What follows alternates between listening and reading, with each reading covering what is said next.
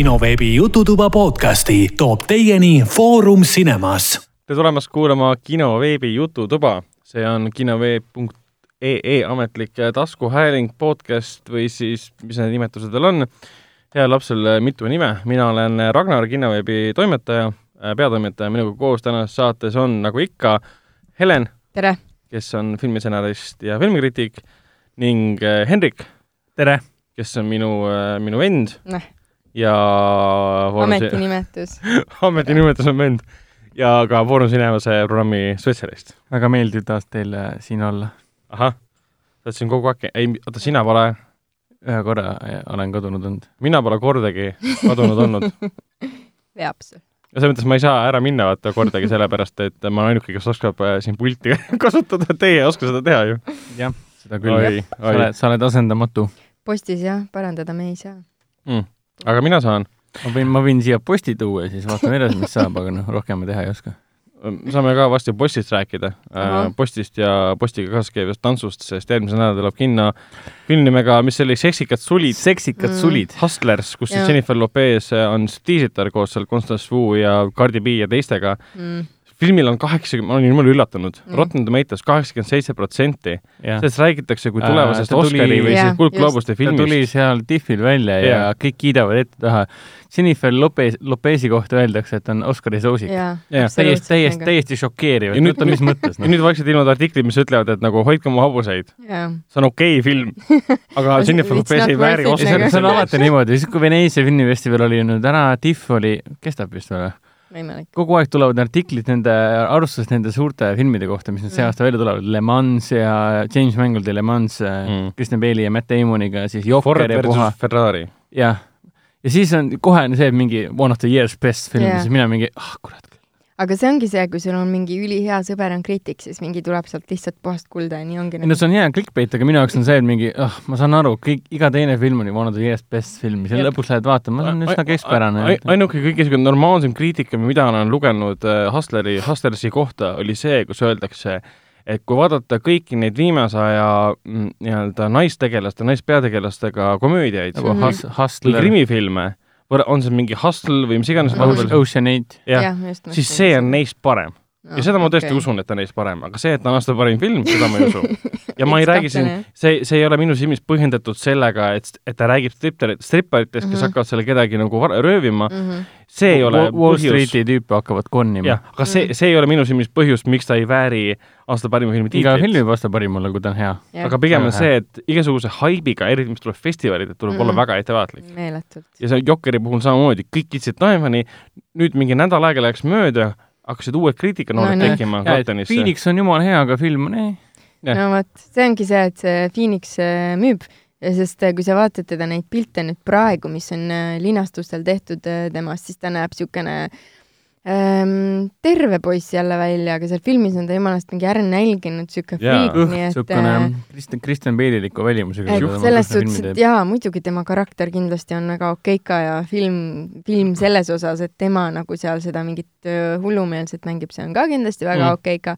aga mis seal ümberringi toimub, millest nagu film tegelikult koosneb, on ju. pigem, pigem tundubki, et kõik on nagu see kahtlane, on ju. täpselt, et kõik on pimestatud sellest Joaquin Phoenixi näitleja tööst lihtsalt ja see, kui sa vaatad mingit ülikõhna tüüpi, kes mm -hmm. mängib hullumeelset inimest, siis see on OMG no,. aga, aga naljakas fakt, et äh, tegelikult äh, Joaquin või yeah.? Joaquin Phoenix tegelikult äh, käis režissöör, filmirežissöör Todd Phillipsile peale, et ma arvan, et Jokker sellises seisundis, nagu ta on, sellises mentaalses seisundis, psühholoogilises seisundis, ta peaks olema tegelikult tüsendam, mitte kõhnem. aga Philips ütles selle peale, et ei. nälgi mees, nälgi. ta on ikka kõhn, et mm. sina täna pitsat ei saa no vähemalt äh, Phoenix on nüüd nende näitlejate hulgas, kes on ennast äh, korduvalt äh, lasknud siis nii-öelda ta on juba vana kala põhimõtteliselt, ta on mm., ta on, ta on põhimõtteliselt sama klass, mis Daniel Day, Daniel Day-Lewis, et jaa, aga mitte nagu kõhnumise koha peal. ei, seda mitte, aga lihtsalt keegi ei pea olema üllatunud selle peale, et Phoenix teeb kui me rolli. mõtleme mm. rolli jaoks kõhnaks teinud näitlejate peale, siis me mõtleme Kristen Bale'i peale, Matthew McConaughey peale mm, -hmm. äh, Jared Leto peale. see Jonah Hill ka kaotas pool iseendast ah,. jaa, okei okay,, kui ta seda sarja tegi, mis see oli see ah,. see on mõniak või? jah. aa, jaa, jaa, peaks vaatama seda. mingit sar-, filmi tegi ka pärast seda, ehk siis jaa, ta oli see mingi rulatamis-, ei, ei, see oli tema direktitud. Mid-nineties aga ta ei Vana mängi osa. seda? avastatud. jaa, ta ei mängi. ei, ei näidanud. jaa, jah. vot, me läksime juba muidugi muudele, muude teemade juurde, aga enne kui me jätkame filmidega, mis me oleme vahepeal äh, vaadanud nii kinos kui ka siis äh, muudes voogedastustes, mainime ära, et äh, kinoveebi Jututuba on leitav igal pool äh,, sealhulgas siis Delfi tasku, SoundCloud, Apple Podcast, Spotify, Google Podcast ja kõik teised rakendused, mis äh, pähe tulevad. no loodetavasti enamus nendes on. mm.. aga lähme siis jah, tõesti filmide ja nende seriaalide juurde, mis me oleme siin vahepeal kahe podcast'i vahepeal vaadanud. alustame harjumuspäraselt muidugi Helenist, sest Helenil on vahelduseks hoopis mingid vä- väga põnevad ja teistsugused filmid kui näiteks minul ja vennal. No nii, no nii. ja ähm, kuidas see juhtus, ma ei mäleta, aga ma arvan, et oli pime, oli õhtu ja mul oli telekas ja teleka sees oli Netflix okei. ja siis ma see on väga hea lugu. puudutasin teda natukene oma sõrmedega ja siis ta avanes. Ja Vau. esimesena siis ma mõtlesin, et no davai ikka, proovime äh, ja tuli selline asi nagu Elementary, The Blacksmith and the Devil um,.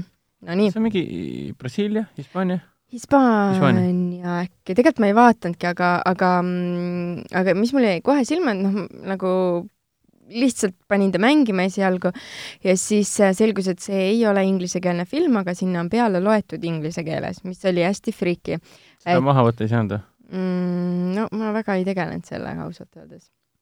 aga ma ei ole kindel, kas Netflixis on, sa saad subtiitreid küll panna ja osadel filmidel on vist dublaaž olemas küll.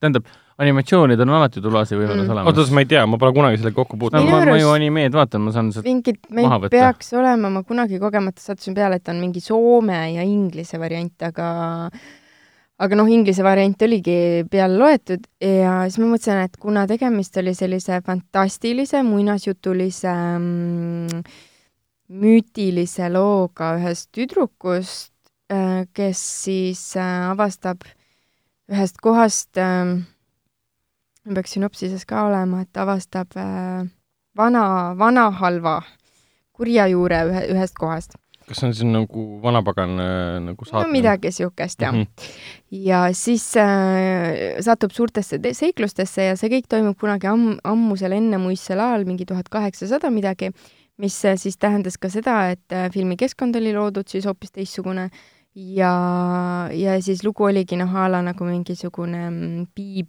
piibellik äh, hoiatuslugu, et kui sa teed nii ja müüd oma hinge kuradile, siis tuleb vanapagan ja võtab selle ja mida iganes. ja, ja siis ma jäin seda vaatama, sest see tundus niisugune äge ja tegelikult oligi äge, Mhm. et äh, mulle meeldis visuaalne keel väga ja mis mulle väga meeldib äh, veel, on äh, praktilised efektid ja, ja praktiliste efektidega loodud kostüümid. Et kuna seal neid äh, pahalasi oli igasuguseid, siis äh, need olid kõik tehtud äh, kunagi Puffis oli ka samamoodi igasugused need kurjamid ja murjamid olid tehtud äh, nagu niisugusest noh, mitte plastist või nagu niisugune noh, plastiliini moodi, niisugune silikoonist niisugused nagu jaa, jaa. näod ja kehad ja kõik asjad, et selles filmis oli täpselt samamoodi. mulle kohutavalt see meeldib. vanakooli praktiline lähenemine. ja, ja, ja pluss seal oli niisuguseid loodus, niisuguseid stseene või niisuguseid kohti, mis mulle ka hullult väga meeldisid. Ja kõige-kõige kummalisem oli see, et ähm, kui mina ükskord enne muistsel ajal enda mingisugusele filmile, mida ma kirjutan äh,, nagu referentsmaterjali otsisin, siis äh, ma leidsin mingid metsapildid, mis olid hullult ägedad, niisugused väga teistsugused puud olid teistsugused. Ja kõige friikim oli see, et seal filmis olid need puud ja täpselt seesama nagu keskkond, ma ei tea, ma ei tea, kuidas nagu, võib-olla see on mingi populaarne koht, kus kõik käivadki filmimas või pilti tegemas või mida iganes, aga mul oli niisugune eriti weird tunne nagu, et vau, see on see koht ja nemad filmivad seal ja siis ma mõtlesin, oo nii äge nagu onju ja kõik siuksed asjad ja noh, see oli jah, natukene imelik, et, et see ingliskeelsed pealelugemised, noh, need olid siuksed nagu so and so, et ähm, kohati nagu tehislikud veits, aga mitte väga halvad aga nagu emotsioon ikka oli selles no dublaažis ikka oli jah, okay.. Aga kindlasti oleks võinud parem olla, aga noh, ei tea, ma ei hakka nagu selle, selle peale väga midagi mõtlema või aga ma vaatasin jah praegu järele, et seal äh, Netflixis jah, tegelikult kui sa paned episoodi tööle, siis seal on näha see audio and subtitles mm -hmm. Mhm. saab valida ja seal oli olemas nii äh, baski mm, mm. -hmm. äh, baskikeelne versioon kui ka siis inglisekeelne versioon mm. okay.. et äh, võib-olla jah, oleks pidanud baski keeles proovima või? mingit Jah. seda originaalkeelt, see oleks kindlasti värvikam olnud. Aga see oligi, film oli ka hästi niisugune ikka visuaalne ja efekte oli, et noh, ei olnud nagu Hollywoodi efektid, aga, aga nad olid ja ma ei tea, mulle toimis. kas ta nagu meenutab veits seda Paani labyrinti ka? Äh, ma korra mõtlesin selle peale, aga mitte väga, et äh, Paani labürint oli ikkagi väga niisugune depressiivne ja jah, ja niisugune kuidagi väga eks neil oli põhjus, põhjus ka, et et jah, seal ei olnud nagu päris nii, et see oli, see oli natukene teistmoodi. mulle meeldis see tõenäoliselt isegi rohkem. et noh, tal ei olnud nagu megakvaliteeti, et midagi nagu oli puudu, aga iseenesest äh, ma täitsa soovitan seda vaadata, niisugune muinasjutuline, vanaajaline niisugune, on ta õudne ka? mis asi õudne? mm,? Kaval on kohati, kaval? mis on hullult hea, et see oli tark kavalalt õudne? ei, pigem ei, ei see, et vaat, kui me vaatame mingeid õudukaid ja asju, et siis nagu mõtled, et kuule, et äh, see killer tuleb su vas-, jookseb sinu poole, ära jookse talle vastu, onju, et jookse teisele poole, siis see oli nagu selles suhtes, et oli igasuguseid kavalaid nippe ja trikke, et mulle see ka meeldis, Mhm. mida nad olid seal kasutanud story telling'u mõttes just. et see oli vinks, vinks-vonks, täitsa mõnus vaadata.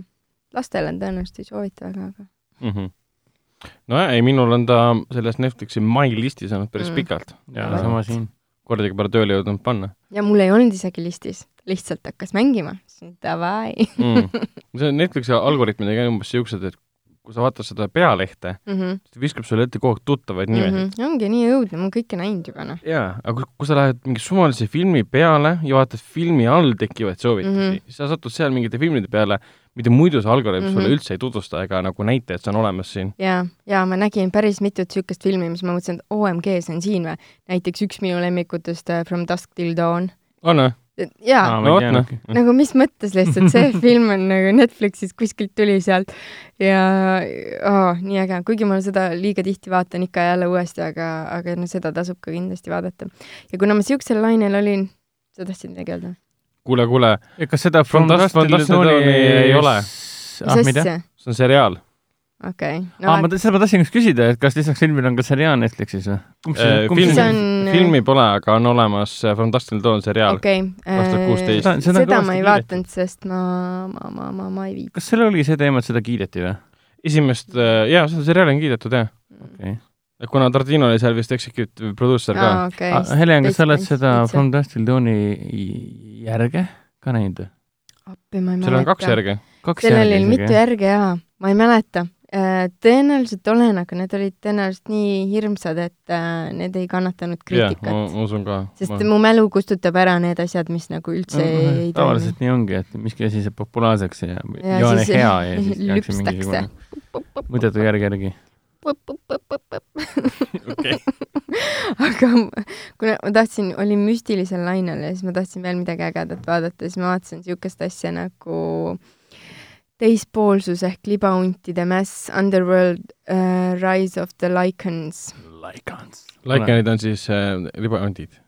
jah, selle, selles universumis Selles. mulle universumis. vanasti, mulle, mis aastal see välja tuli? Kaks tuhat kuus äkki oli või? issand, tollal mulle see, ma olin kuueteistaastane, mulle, mulle see, mulle see seeria väga meeldis tollal.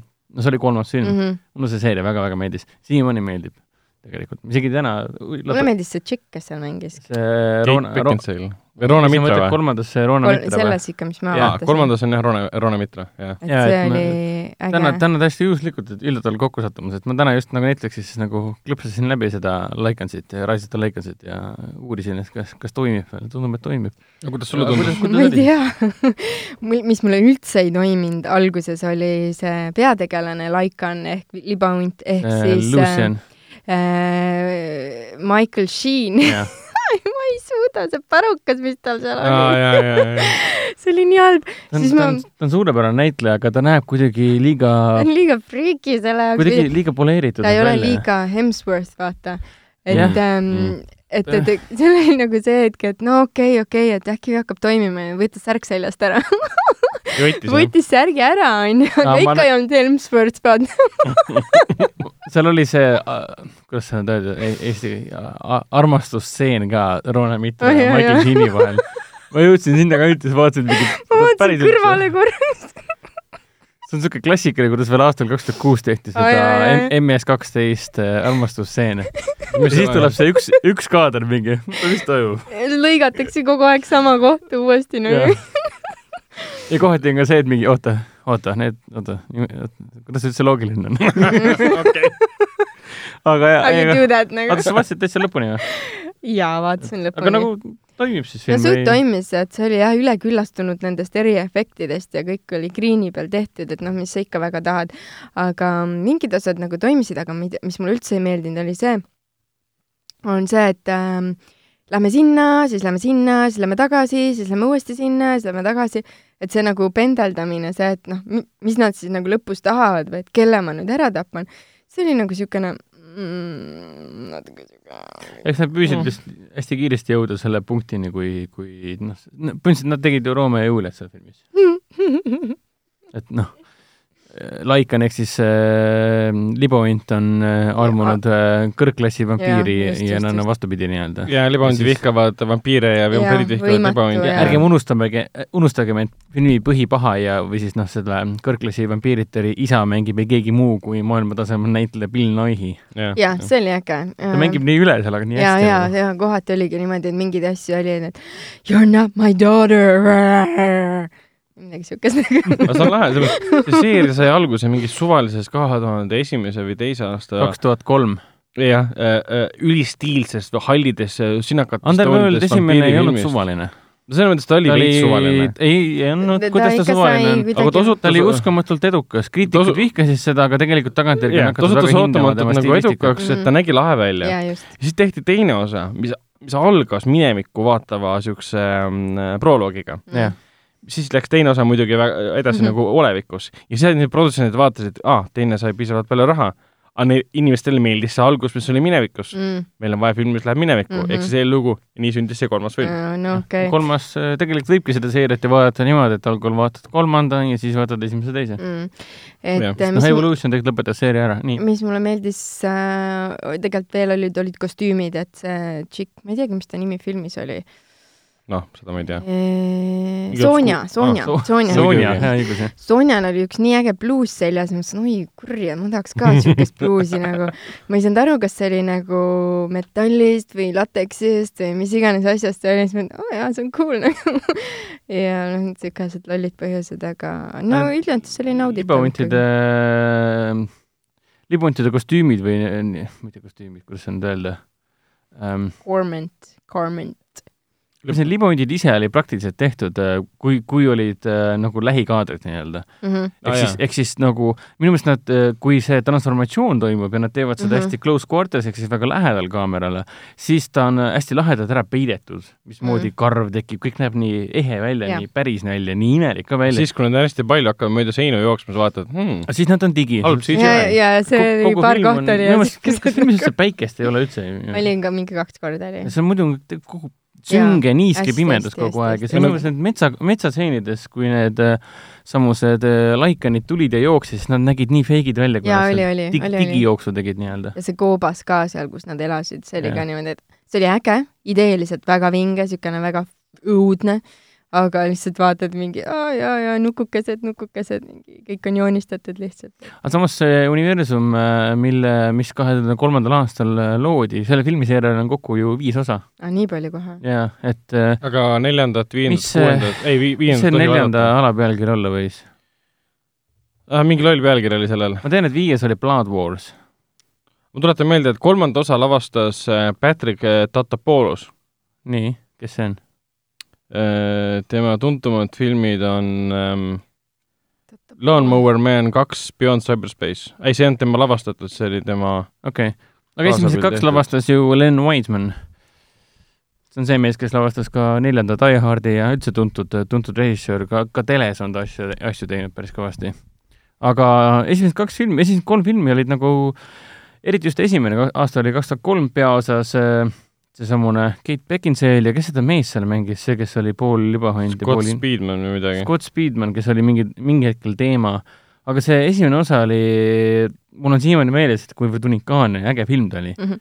selles mõttes, et ta, ta nägi välja niisugune kooti stiil ja hästi sünge ja kõik mm Mhm. -hmm. olid hästi britilikud, niisugune mm Mhm. -hmm. niisugune viktoorianlik gotik teema oli Mhm. kogu aeg ja kõik nägi nii hullumeelselt nagu stiilne ja põnev välja. ja siis äh, eriti üllatav oli see, et sellise filmi jaoks oli siis äh, üks stsenaristidest ja näitlejatest oli Kevin Greeview, Greeview või midagi taolist mm, hääldus. jah, ja, ja tema ja seesamune Len Wiseman siis äh, põhimõtteliselt äh, nagu lõid selle laikanite ja vampiiride klann, klannide universumi põhimõtteliselt.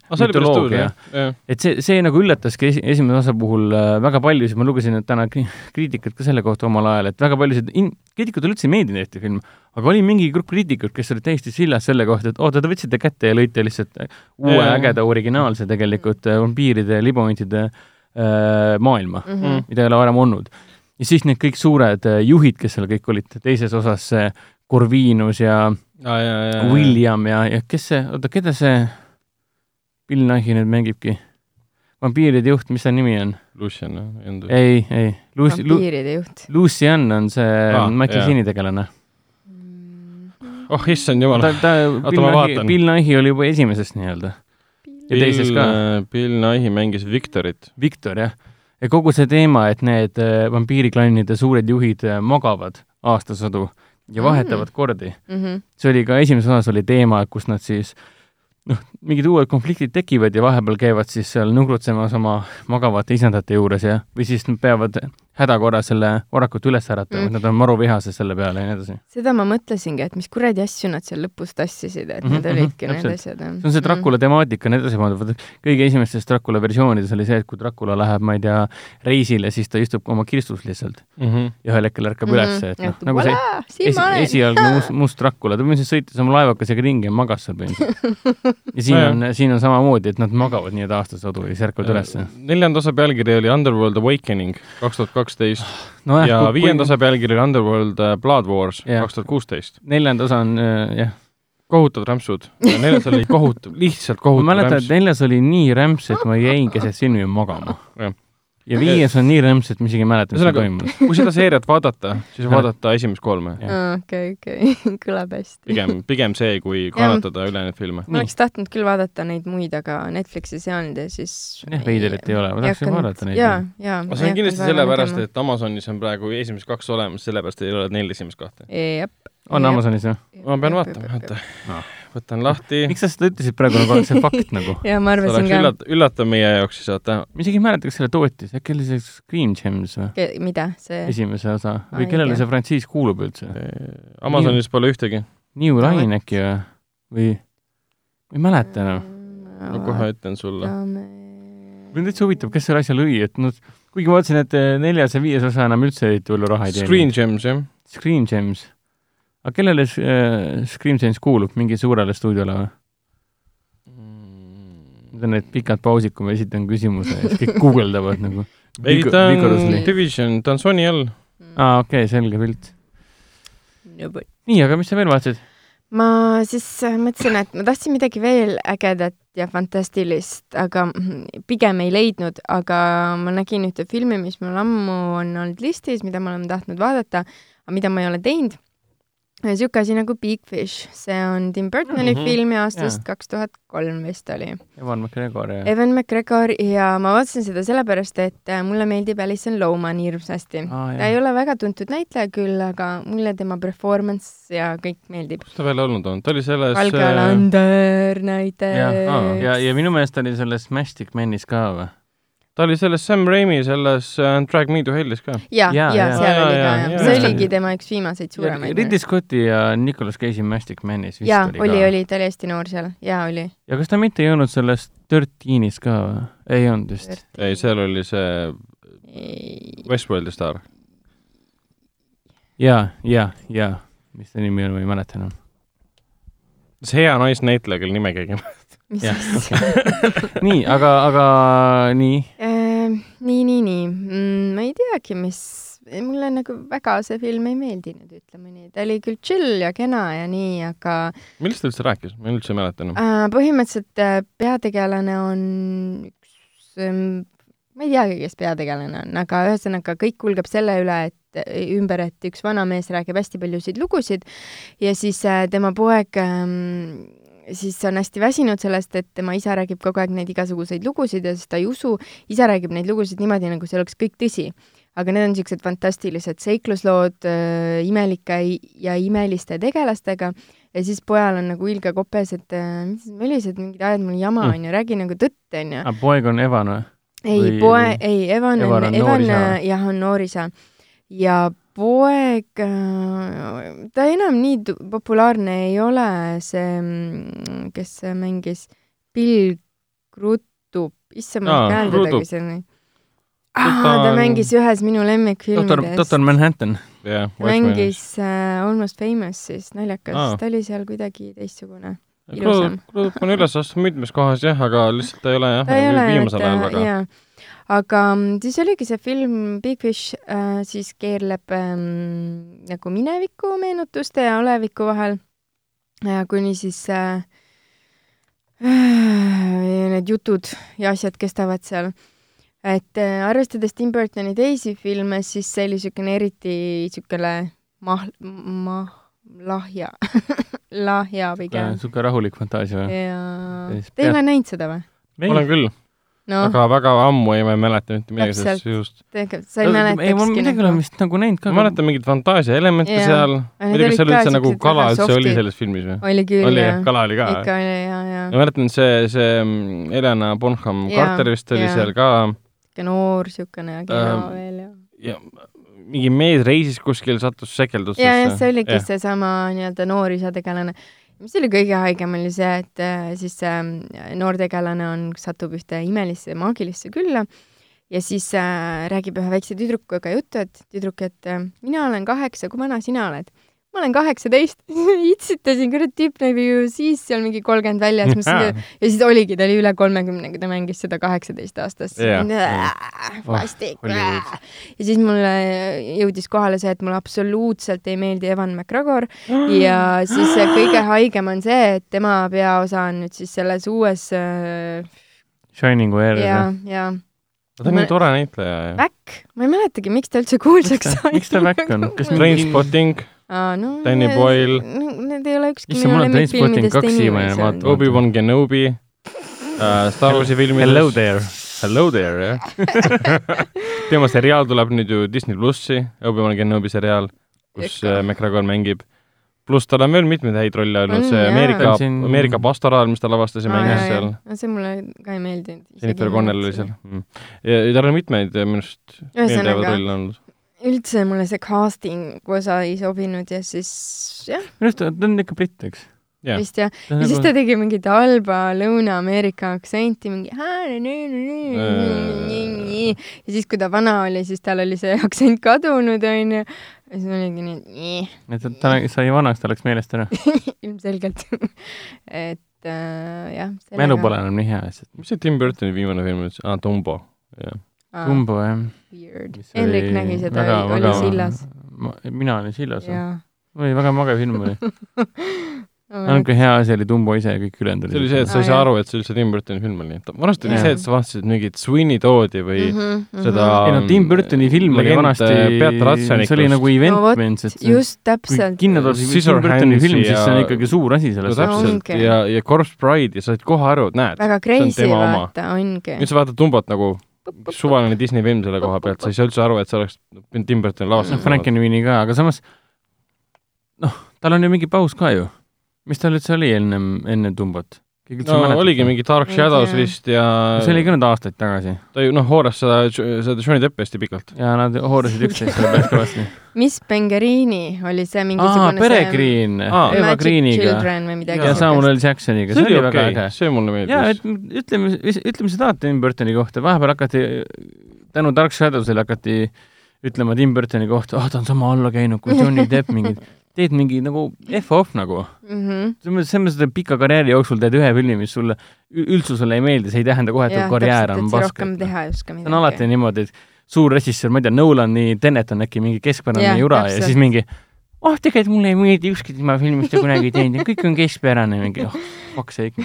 Vau, see on ala-, see on alati tegelikult niimoodi. seda peab salvestama laupäeva õhtul, aga natuke võib filtrit kasutada. miks? see on, see on, see on samamoodi, nupp on see. samamoodi on nende Sensornupp, häst-, hashtag me too ajastuga, et äh, mul siin puldil on see nupp olemas. Louis CK-le pannakse puid alla mingisuguse tobeduse eest, mis ta tegi ja siis hakatakse tagantjärgi ütlema, et jaa, tegelikult kõik tema stand-up'i show'd on kõik nii halvad tegelikult ei olnud. oska nalja teha, mis siis, et kõik on kuulnud teda ja, siis paar aastat, paar aastat tagasi, siis kui Me Too del ei olnud, siis kõik mingi, issand, kui naljakas, geniaalne. noh, selle asja toimub, nimi noh? on massipsühhoos. see on, ei, selle see nimi on debiilsus Jah. nii, aga lähme edasi, mis veel Helena vaadanud on? aga see ongi vist kõik või?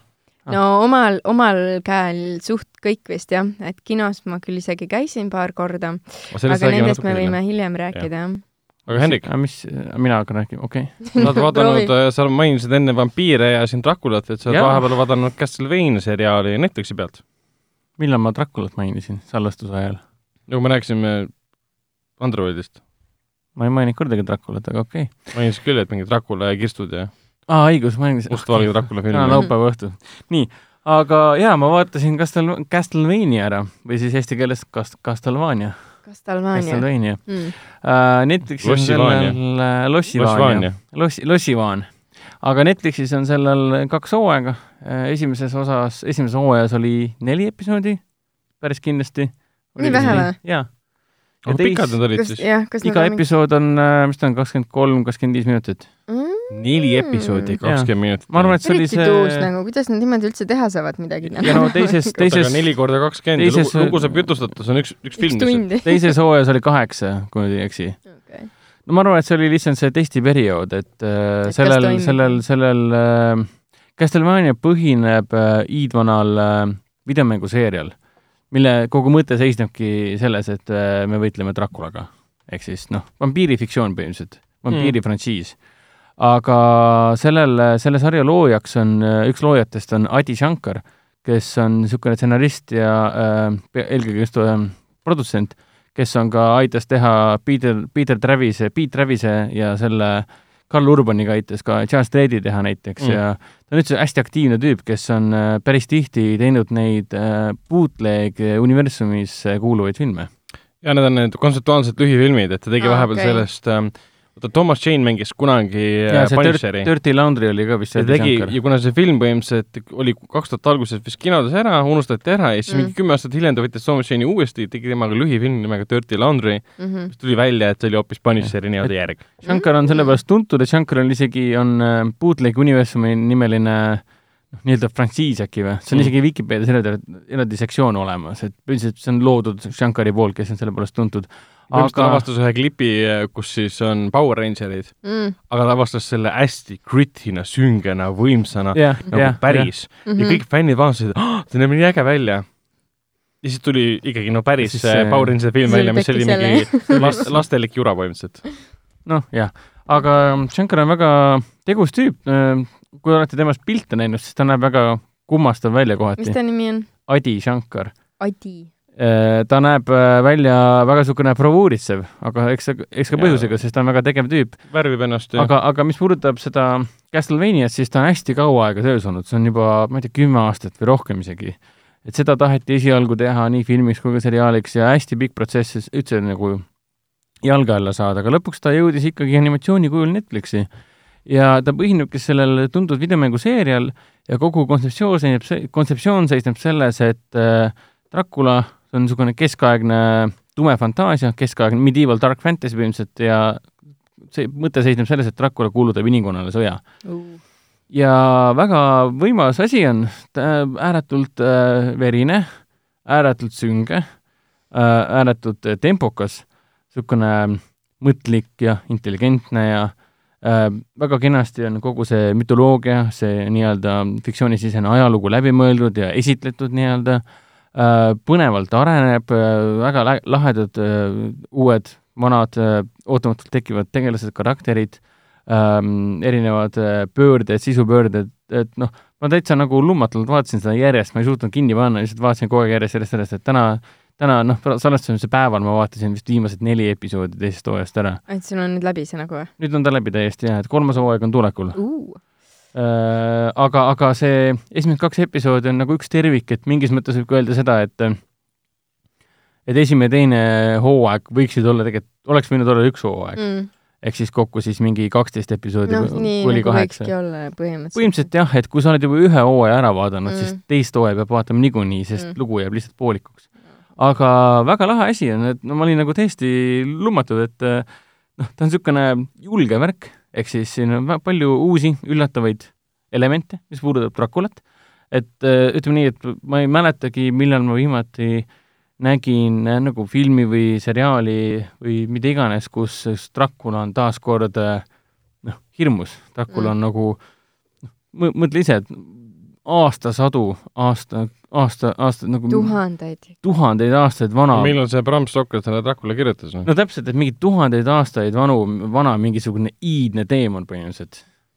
Noh, mitte teemon, vaid vampiir, aga Mhm. mm -hmm. see murdumatu, surematu, kelle vastu mitte keegi ei Mm, saa. ja, ja ta on siin sarjas nagu ärkab täiesti ellu, ta on niisugune, ta on vana, ta on mõtlik, ta on külmavereline, ta ei tegutse äkiliselt, ta lihtsalt seisab, kõnnib aeglaselt, ta mitte kunagi ei jookse, ta Mm. lihtsalt kõnnib sinu poole. ja ta on alati nii, nii, nii noh, niisugune šarmantne mm.. et see on äh, ja kõik need kõrvaltegelased ka, et ega tema ei ole peategelane tegelikult, tema kuulutab sõja ja siis teised tegelased nii-öelda tiimivad, löövad siis ühe ühtse tiimi, ühtse meeskonna, et siis üheskoos Draculale vastu astuda. Mhm. aga vahepeal lihtsalt valatakse niivõrd palju verd ojadena, mõnikord lihtsalt nagu lit-, sõna otseses mõttes sul on äh, keskaegse linnatänavad on verd täis põhimõtteliselt ja teemurid lendavad ringi ja karjuvad ja kriiskavad. ja noh, kõik see, kogu sinu vampiiri jutt meenutas mulle lapsepõlve mingi TV3 seriaali Kitsupi vampiirid. Jaa. kus olid vampiirid, kes lendasid ringi kuskil külas, kõik olid jumala nunnud jaa, ja nad jõid ja, ja nad olid nunnud ja. kas seal oli see teema, et see, see üks perekond ketšupit ja ülejäänud jõid verd või? ma, ma ei mäleta, me oleme uuesti ma ei pannud seda. mäleta kusjuures. või nad kõik mingi asi pidi seal olema küll jah, aga kurat. aga mida nad jõid, Felixit, Felixit või? no Felix on mingi Eesti asi, aga võib-olla, võib-olla oligi point jah selles, et teised, nemad olid nagu vegan äh, vampiirid siis või? jaa, Et tarbisid ketšupit. tomat on vegan ju selles mõttes küll. aga, aga tähendab, ei tasu äh, minu jutu põhjal äh, nüüd arvata, et mulle meeldib veri, mis voolab ojadena linnatänavatel. Kui nüüd täpsemalt või noh, põhjendada, miks see sari on niivõrd äge, siis puhtalt sellepärast, et siin on nagu äh, põhjus-tagajärg seosed, miks mingid asjad toimuvad, on äh, hästi intelligentsed ja emotsionaalsed. et ei ole lihtsalt midagi sellist, et et kuna ta on animatsioonis, võib kohe arvata, noh, ta on ju pigem lastele, et Mm. siin põhipaha lihtsalt tahab maailma vallutada ja sellepärast, et, et rohkem polegi põhjust vaja. ei, siin on väga konkreetne põhjus, et sa põhimõtteliselt elad juba esimesest osast alates, sa elad Draculale kaasa. Mõistad teda, elad talle kaasa ja sa soovid talle parimat. tema, tema kruseedil, tema ristiretkel inimkonna hashtag vastu. äh, Dracula did nothing wrong. ja, ja, ja. hashtag Dracula did everything right. ja. Uh, siin on palju huvitavaid asju, et noh, ma ei taha midagi eri, eriti ära öelda, et okei ära okay,, ütle jaa, ma tahaks äkki vaadata isegi seda. kui te Netflixis seda vaatate, siis kui ma nüüd ei eksi, siis Netflixis on kirjas äh, võib-olla juba seal ava, avakuvas nii-öelda, ma ei mäleta nüüd täpselt, aga minu meelest on, ma võin pärast kontrollida il- ilma, et teie vaataksite, seal sünopsises on vist kirjas ka esimese osa sisututvustus ja see on üsna paha mm., see niimoodi oli. sest see, mis toimub esimeses kahes episoodis, on lihtsalt väga korralik niisugune groundwork, et pannakse väga muud, vundament laotatakse laiali ja alles siis hakkab äh, peategelane ärkab üles nii-öelda teises, teises osas nii-öelda, hakkab ta rohkem elama. enne seda on peategelane Dracula. esimene on Mm. täielikult, esimene osa on täielikult Dracula päralt mm. nii-öelda. ja väga kõva asi, mulle teine hooaeg äh, samuti väga meeldis, väga põnevad tegelased, siin on, siin on noh, Draculal on äh, ma ei saa, ma ei saa midagi Ära öelda jah, ma ei ütle jaa. mitte no me midagi. teame, et Draculal on pruudid ju. see on alati olnud teema. jaa, aga see on, see on hoopis teine asi, et ütleme nii, et kui te seda lõpuks vaatate ja jõuate teise või kolmanda on- episoodini, siis te vaatate, et nagu vau, et ka nii võib Draculat kirjutada. et see on lihtsalt nagu hämmastav lihtsalt selles suhtes. ja ma nii ootan juba kolmandat hooaega, ma tahaks näha, mis seal toimuma hakkab. on see kinnituse see on kinnit-, kinnitatud jah. okei. Ja siin on ka palju selliseid, kõige rohkem üllatas see, mis, milles oli viimane osa. et, et noh, ma olin nagu, istusin arvuti taga ja muigasin omaette, et vau, et, et nagu keskendute niivõrd palju tegelikult nagu kõrvaltegelaste arendamisele. et nagu see on üllatav oli see, et noh, see ei ole nagu spoiler tingimata, aga lihtsalt nagu peategelastega, kellega enamik ajast aega veedad, nendega nä- nagu tehakse nende lõpplaulud kõik värgid ära hästi kiiresti ja siis Mhm. mm. ülejäänud pool episoodi lihtsalt on äh, teistest tegelastest ja näidatakse nende, nende saatusest ja nii Mm. edasi, et noh, ma olin väga üllatunud selle peale, kui dramaatikaks te saate minna, et Mm. et äh, jaa, kindlasti tuleb vaadata Castlevaniat. pluss äh, selle sarja stsenaristiks on äh, Warren Ellis. Warren Ellis ehk siis Nick Cave ja Bad Seedsi üks liikmetest, noh? ei ah., Warren Ellisel on äh, nimekaim ja nimekaim on hoopis muusik. Äh, Warren Ellis ise on tegelikult äh, koomiksite ja graafiliste novellide kirjutaja wow. ja ta on, mina loen ka ühte tema oma, ma väga palju pole lugenud, aga ühte ma loen, mul on kolmas osa vist tema Injectionist, Rahvaraamatus on müügis, müügil ka see, võib-olla kuskil mujal ka, aga ma olen alati Rahvast ostnud. Injectioni nimeline koomiks ja Warren Ellise stiil on siin Castlevanias tunda uh, mitte nii kõvasti tunda äh, kui Injectionis, et Injectioni eripära seisneb äh, selles, et see kõik on niisugune äh, parajalt äh, sürreaalne, sulle lusikaga midagi ette ei anta, vaid õpi ise aru saama, millest me siin räägime. selline stiil on põhimõtteliselt.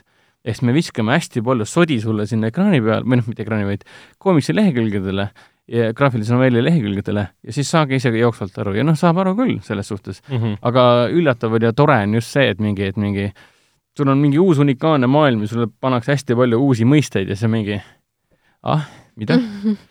aga kuna ta on nii kütkestavalt kirjutatud ja joonistatud ja maalitud, siis nagu see näitab seda, et see on hoolega läbimõeldud äh, stsenaariumi ja looga seriaal. jaa, niisugune, niisugune sisse elatud tunne, samamoodi ka Castlevania, Castlevania. sind ajas segadusse mingid tundmatud nimed või tundmatud mingid asjade nimetused, sa ei peagi nende kohta tegelikult teadma, et lugu mõista. nii, aga siis on Castlevaniaga ühel pool ja ma saan aru, et sa võtsid ette ka Netflixi jõudnud, see oli vist eelmisel aastal ähm,, Simpsonite Matt Groeningu äh, loo, looja, siis ta tegi uue seriaali nimega Disenchantment. mina olen seda näinud, Helen, sa oled ka näinud? ma olen ka näinud, jah. sina jõudsid selline alles nüüd? alles nüüd jah, hakkasime vaatama ja, ja ta, ma saan aru, et Matt Groening on, äh, ehk siis Simsonite looja on üks loojatest siin ja tegelikult neid asju, ta, ta on lihtsalt, kas ta on created by või et ta on üks story autoritest, ma seda täpselt tema ei teagi. looja. Üks looja, üks loojatest või ei, looja? tema on looja, aga samas see on animaatorid ja teised stsenaristid ja no stiili poolest on, animatsiooni stiili poolest on seda näha, et ta on kohati niisugune, tekib kohe niisugune tunne, et ah, see on Simsonid, lihtsalt natukene ja, vaatad peale lihtsalt ja siis on juba niisugune aga tunne mul on vist neli, neli episoodi vaadatud hetkeseisuga mm. -hmm. Okay. ja noh, ta mulle meeldib, esimesed kaks episoodi meeldisid kõvasti rohkem, kuna esimeses kahes on see äh, paneme, issand, mis selle peategelase nimi nüüd oli? Kohe oh. ütlen. Benny? ma vaatasin seda eelmisel aastal, mul on õigus seda mitte mäletada. tal oli pikk nimi. millise peategelase? selle printsessi mm.. aa, Bean äkki või? jaa, Bean, jaa. esimesed kaks episoodi keskendusid sellele, et Beani pidi ju äh, pulma panema mm -hmm. või noh, paari panema ja pulma, pulm korraldada, et mingi suur liit teha erinevate riikide vahel. aga kolmas ja neljas olid juba eraldi, eraldi teemad nii-öelda. siis hakka, hakkas nagu tundma andma see, et nagu hästi kiiresti see värskus või siis mille poolest see sari tundus äh, huvitav, äh, unikaalne, originaalne, hakkas nagu ära lahtuma mm -hmm. ja siis ta mhm. muutus kuidagi tüütuks. neljandaks mm -hmm. episoodiks tekkis niisugune tunne mingi mm, -hmm. nagu vaataks Simsonite viimaseid hooaegu. ega selle hooaja nagu algus polnud ka just unikaalne ega originaalne. ei, mulle, no mulle nagu meeldis see. sul on et... printsess, kes ei taha vanemat või noh, vanema soovil abielluda mingi kuni, kuninga pojaga. Aga, aga samas on seda tore näha, et eh, noh, Simsonite looja võtab midagi muud kätte ja murrab nii-öelda traditsioone. jaa aga... see väike saatan oli seal tore, kes see oli see pluss ta on ju see para... väike päkapikk või mis ta oli, elf, elfo, elfo. mulle see, mulle see kuradikene väga meeldib, ta on hästi nunnu. Lucy. Lucy, jaa aga, aga tegelased on okei okay,, aga tegelased on okei okay,, aga need teatud kolma... asjad, mis sinna juurde käivad, need nagu nii äh, nii fabulous ja intriigsed ei mm. ole, kui nad võiksid olla, et äh, mina ei suutnud äh, kuidagi pidama saada, nagu ikka, et ma tahtsin teada, mis lõpus juhtub aga teine no, hooaeg on tulekul, jah? teine hooaeg on tulekul. ma saan aru, et sinu puhul, äh, Helen, et sa ei suuda nagu kinni panna, et sa tahad teada, mis lõpus juhtub mm, -hmm. on mhm. üsna nagu haiguslik juba, sest sa tõesti või? Milline üllatus! sa oled ju meile varem rääkinud ka, et sa vaatasid Mindhunteri teist hooaega ja sa ei suutnud lõpuni vaadata ja teada saada, kes on killer ja sa guugeldasid vahepeal välja, kes on killer nagu miks sa seda teeksid? Self-spoiling. päriselt või? jaa, miks sa seda tegid?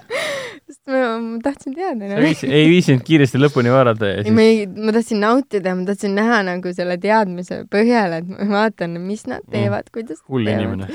väga raske, väga raske, aga räägi äh, sa Nii. plaanid vaadata tõenäoliselt lõpuni selle sarja jah jah?, ikka, aga ma võtan rahulikult. teine hooaeg Võta. tuleb siis juba sel aastal. jaa, ja teine teise hooaja kohta nii palju, et äh, see peaks äh, toimuma või aset leidma põrgus äh,. kuidas nad sinna jõuavad, kes seal on, seda ma väga uurinud ei ole, lihtsalt mulle jäi silma see, esimese et hooaja äh, lõpp ei andnud mõista, et on vaja põrgusse minu meelest mitte. ma ei ma mäleta, küll ei mäleta, aga vot ongi, see on see jama, et kui ei ole ikka midagi, mida väga mäletada, siis äh, ei mäleta. ei ta on no ja see on umbes sama, et äh, millega lõppes Simsonite kolmekümne esimese hooaja, hooaeg. Neid ei ole nii- palju. on küll. kindlasti on.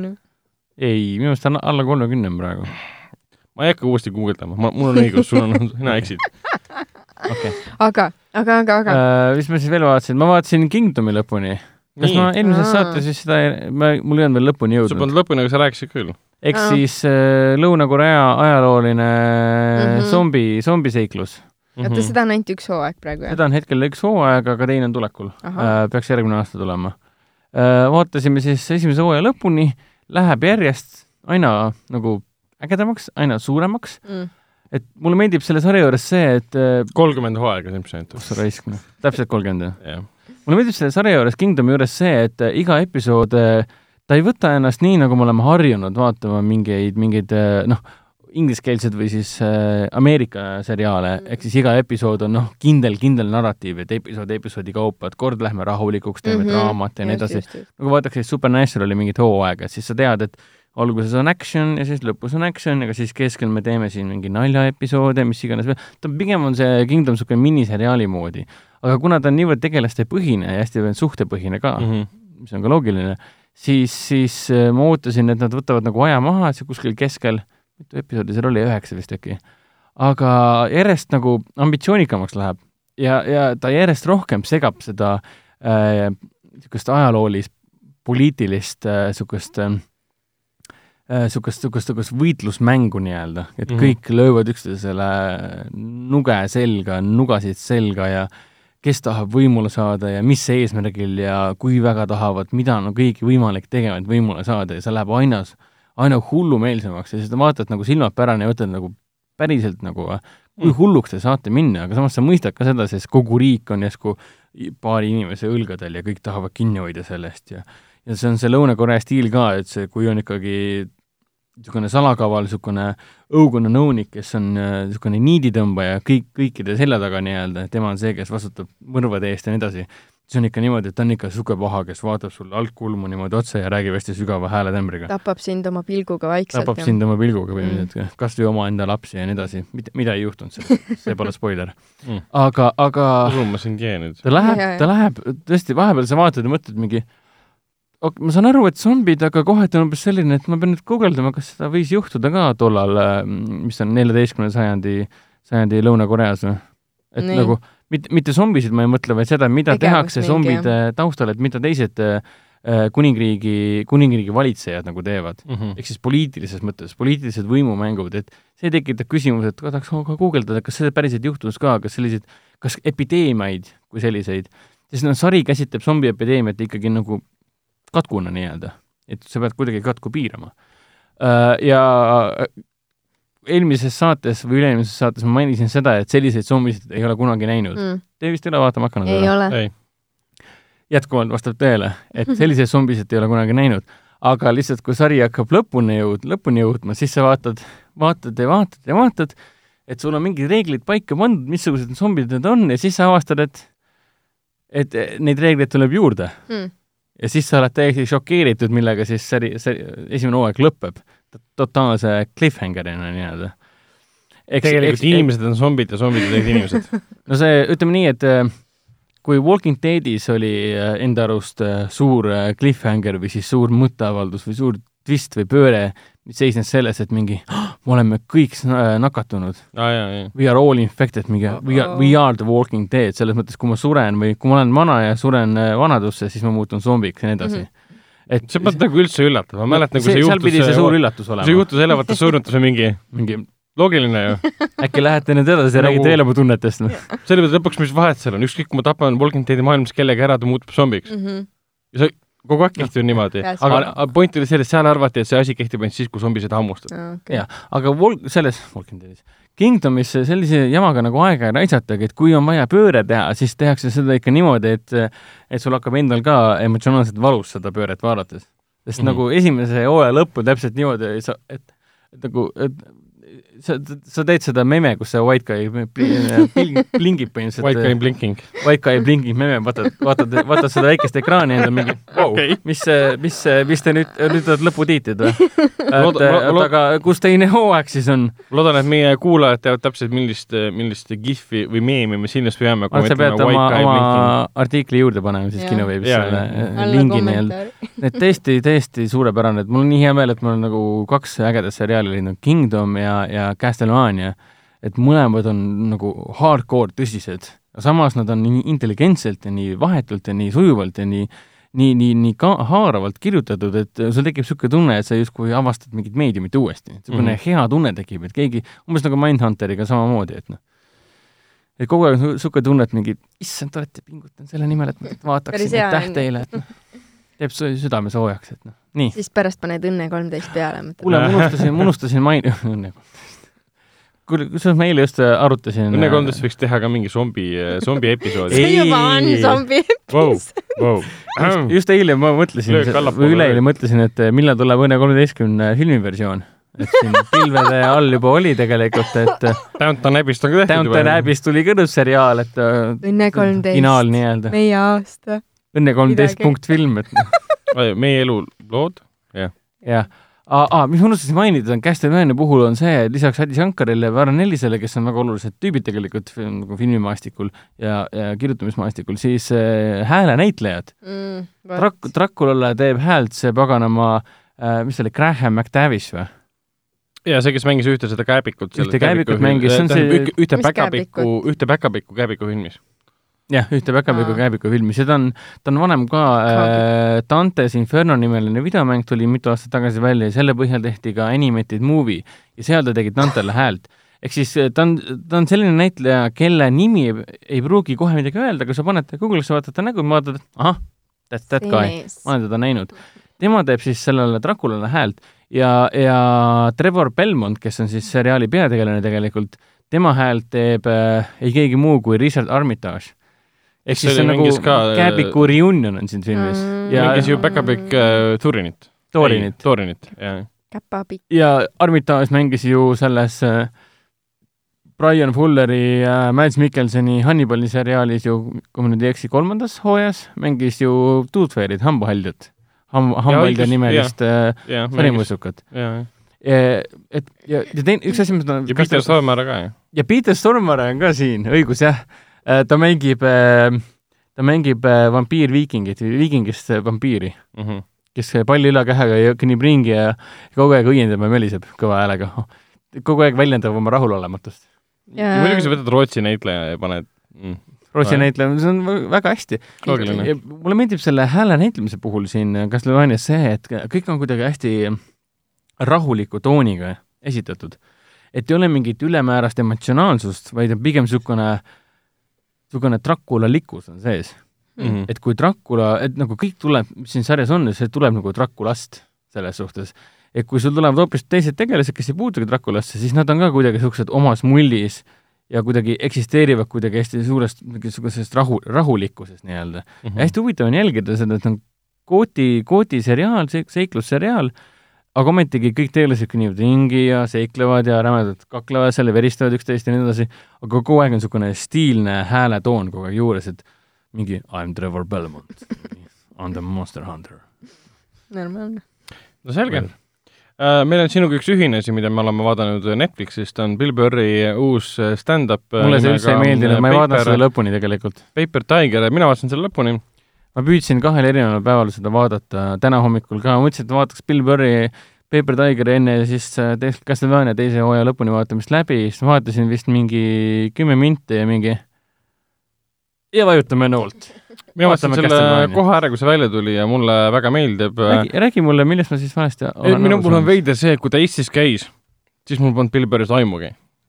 wow, sellest nimest polnud aimugi, polnud kunagi temast isegi kuulnud, mingit tähelepanu pööranud. ma tegelikult ma ei kuulanud ega vaadanud mingit stand-up'i ka eriti väga palju, võib-olla mõnda Mm. Eesti oma. kas Helen teadis temast või? alles hiljem Ei. hakkasin tagantjärgi mingi David Chappelli ja Bill Hicks'i ja, ja, ja siis nüüd siis muidugi ähm, No Bill Hicks kas me räägime ju. podcast'ide soovitustest praegu? ei, ei, nende stand-up'ide stand-up soovitustest. soovitustes. stand-up'id, jah. Ja Jah, ei. Paper Tiger mulle meeldib, sest äh, Bill Burri tugevamad küljed on see, et äh, kui vanasti ta rääkis sellest, et kuidas on tema elu nagu girlfriend'iga, siis nüüd tal on laps ja noh, naine ja räägib elu, elust se- sellega ja teeb, Mm. ehitab selle ümber nalju mm. Mhm. -hmm. ja seda maailma ta oskab kõige rohkem nagu tabada, isegi nende jaoks, kellel seda maailma veel ei ole enda elus. ja selle üle teeb väga hästi nalja. äkki selles probleem Aga- ongi, et kuna mul seda maailma ei ole, siis ma ei, ei samastu onju. aa, no mina ei tea, minu arust see kõik oli nii kuiv ja igav ja võib-olla mõned naljad tõesti, mulle see seksroboti nali küll väga meeldis, et selle seksroboti naljal oli, ta oli pikk ja see oli väga hästi ära selgitatud. ta hakkas kogu seda juttu rääkima sellest, et robotid varsti vallutavad maailma. Mhm. aga ütles, et me, meie maailma valluta need robotid, keda me arvame, et vallutavad. meie maailma vallutavad nohikute loodud äh, ultraintelligentse, intelligentsed tänapäevased seksrobotid. ja ta ütles, et kui sa lähed kakskümmend aastat tagasi, millised olid seksrobotid siis? See oli see täispuhutavad. Mhm. et sa pidid salaja minema ho- varahommikul sinna poodi, kus said seda osta, jooksid sinna sisse, tõmbasid südame nagu rindu põhimõtteliselt, läksid sinna, panid mütsi pähe, päiksepillid ette, ostsid hästi palju kassette, kuna see robotid seda äh, täispuhutavat nukku müüdi seal kuskil leti taga, siis läksid sinna, et nagu juhuslikult, aa, see on ka siin, võtan ka selle, siis sa lähed koju ja hakkad seda täis pumpama, sa ettevaatlikult pum- pumpama, sellepärast et sul on seinad õhku, seda naabrid kuulevad. ja ta rääkis seda, see oli kakskümmend aastat tagasi, ütles, aga tänapäeval on niimoodi, et nohikud teevad valmis mingisugused ultraintelligentsed robotid, kes ühel hetkel vallutavad meid kõiki ja panevad meid puuridesse Hmm. ja tema point oli selles. Ja minu arust ta tegi seda väga naljakalt, Hästi. aga ma saan aru, miks see võib-olla mõnele üldse ei imponeeri, teda üldse ei huvita see see on nali. see, et ta müüs lihtsalt mingi seksinalja maha ja kuna Jah. Ragnaril eriti võib-olla mõtteid peas ei olnud, siis see toimis, aga võib-olla Hendrik tead, mõtles siin tiipide asjade üle No, nagu ma panin, ma panin Bill Burri sel hetkel kinni, kui ta rääkis Michelle Obamast. et, et ta teeb praegu Aa, a- jaa, areena see oli tuure päris- oma, oma, oma raamatuga ja siis ta tegi nagu nalja sel teemal nagu, mis mõttes nagu, et mina olen stand-up koomik ja ma olen siin ja siis äh, Michelle Obama, kes on first lady, kes pole, ta andis mõista, et nagu first lady mingi äh, ta ei tee mitte midagi oma elus, ta on lihtsalt first lady, ta on nagu täiesti pointless nii-öelda. miks ta üldse raamatu kirjutas, et mis millest ta siis raamatus kirjutab seal, et nagu kuidas, aga ma ei saa seda korrata, sest see oli päris ropp muidugi. aga, aga mis ta aga ütles? no Dedi nii-öelda aa, jah, et aga ta tegi nalja sel teemal, et kuidas see inimene, kes eh, first lady, eks Michelle Mhm. Obama, mitte midagi äh, oma elus ei tee, sest ta on lihtsalt first lady mm. -hmm. rääkis sellest pikalt ära, ma mingi okei okay,, siis nagu kas ma pean naerma või? Jah. tähendab, see polnud üldse naljakas sel teemal, nagu mind üldse, üldse ei tõmmanud, see tegi nalja selle üle, et feministide üle nalja, et oi näed, siis tuleb, kui tuleb, lõpuks tuleb esimene okei okay,, see oli küll hea, nii, kui lõpuks tuleb esimene naispresident, siis keegi hakkas kohe seal publikutes, publiku hulgas olid pildid inimesed, inimesed, kes hakkasid plaksutama ja uutama selle peale. ja see oli hea point, mida see Bill Burr ütles, et mingi vau, vau, mida te siin puut-, uutate juba Mm. rõõmustate, et esimene naispresident nagu. vaata, see ongi feministide, tema, tema, tema sõnad siis, et see ongi feministide täiesti ebaloogiline loogika mis mõttes esimene naispresident? Te isegi ei tea, mis ta platvorm või mis tema poliitika on. Äkki ta mõttes- taha- äkki, see on, mina panen nüüd selle juurde, samasugune nagu Trump, lihtsalt ta on naine ja te kohe olete nõus temaga või? see ei ole küll, niimoodi et ju. teid isegi, see oli, see oli hea point, et te, kes te siin hulgisite praegu, teid, teid isegi ei huvita, kes ta on. peaasi, et ta naine on, et kuidas see loogiline on. okei okay,, no see oli, see oli hea nali, aga siis ta läks edasi ja ütles, et aga siis tuleb ju esimene meessoost first lady, umbes nii nagu seal äh, Charlize Theron'i ja Mhm, äh, Seth Rogani selles Longshotis. mhm. ja siis tegi nalja, et kui siis äh, mä-, esimene meessoost first lady või esimene lady äh, midagi poliitika teemal ütleb, nagu Michelle Obama on ka öelnud ja, või siis äh, Hillary Clinton ja nii edasi, siis fem- feministid ütlevad, et aa ah,, kuule, sina ole vait, et äh, sina, mees sa, sa, sa oled, sa oled mees, sinul oli aega küll, et nüüd on naine president, et uh, you bitch nagu ole vait nii-öelda põhimõtteliselt. Aga ma ei tea, ta nagu heietab see Bill Burr seal, et ma ei tea, mul ei tekkinud mitte ühtegi tunnet, et ma peaksin nagu jaa, naerma, et no selles mõttes, et see ongi nagu nende tuntumate stand-up koomikute erisus. Nad ei ole samasugused. nojah, selles mõttes Dave Chappelle teeb kogu aeg oma, oma nahavärvi üle nalja, kasutades seda kõikides naljades. Bill Burr räägib äh, poliitikast ja oma perekonnast ja kõigest sellest ja mõni kolmas räägib hoopis muudest asjadest. jaa, ei seda küll, samamoodi ka Bill Hixiga või siis äh, kes see kiilakas vanamees oli, Kar-, Karlsson, ei, see, kes on nüüd surnud, see kiilakas vanamees, Pole õrna aimugi Mm., tõesti pole õrna aimugi. aa, ma tean, keda sa mõtled. ma ei mäleta nime lihtsalt. Või ma mäletan nime, aga mul ei tule meelde. Karlsson või? See vist ei ole loogiline, mis ma ei, ma tean, keda sa, keda sa mõtled, aga aga ma arvan, et sul on õigus tegelikult, et äh, erinevaid äh, stand-up comedian'eid tasubki vaadata, sest sul on Mm. Louis CK, sul on ähm, Bill Hicksid, kes on elus, kes on surnud. noh, variatsioon annab tegelikult sulle ju hea pildi sellest, et mis on naljakas ja mis ei ole naljakas ja erinevad teemad on ju noh, see ei pane ühte patta ju äh, Chappelli ja, ja, ja Bill Burri ja Louis CK-d tegelikult, on hoopis te- erinevatel teemadel. tõsi. aga jah, nii et ma ei saa öelda, et ma oleksin selle ära vaadanud, sest mulle ei meeldinud see okay. siin pooleli. no selge uh,. mina vaatasin Netflixist veel, lõpetasin Inceptioni uuesti ära, sest Mm. ma avastasin, et ta mul pooleli just aastast kaks ägedam. tuhat. ei, ei, alles hiljuti tegelikult olen algust vaadanud uh, erinevatel äh, põhjustel, ma ma ei tea, mitmenda korda filmi olen juba see on see vaadanud. Netflixi needus, Mhm. brausid seal mingi, ah oh,, see on mul Mm. pooleli, klikk.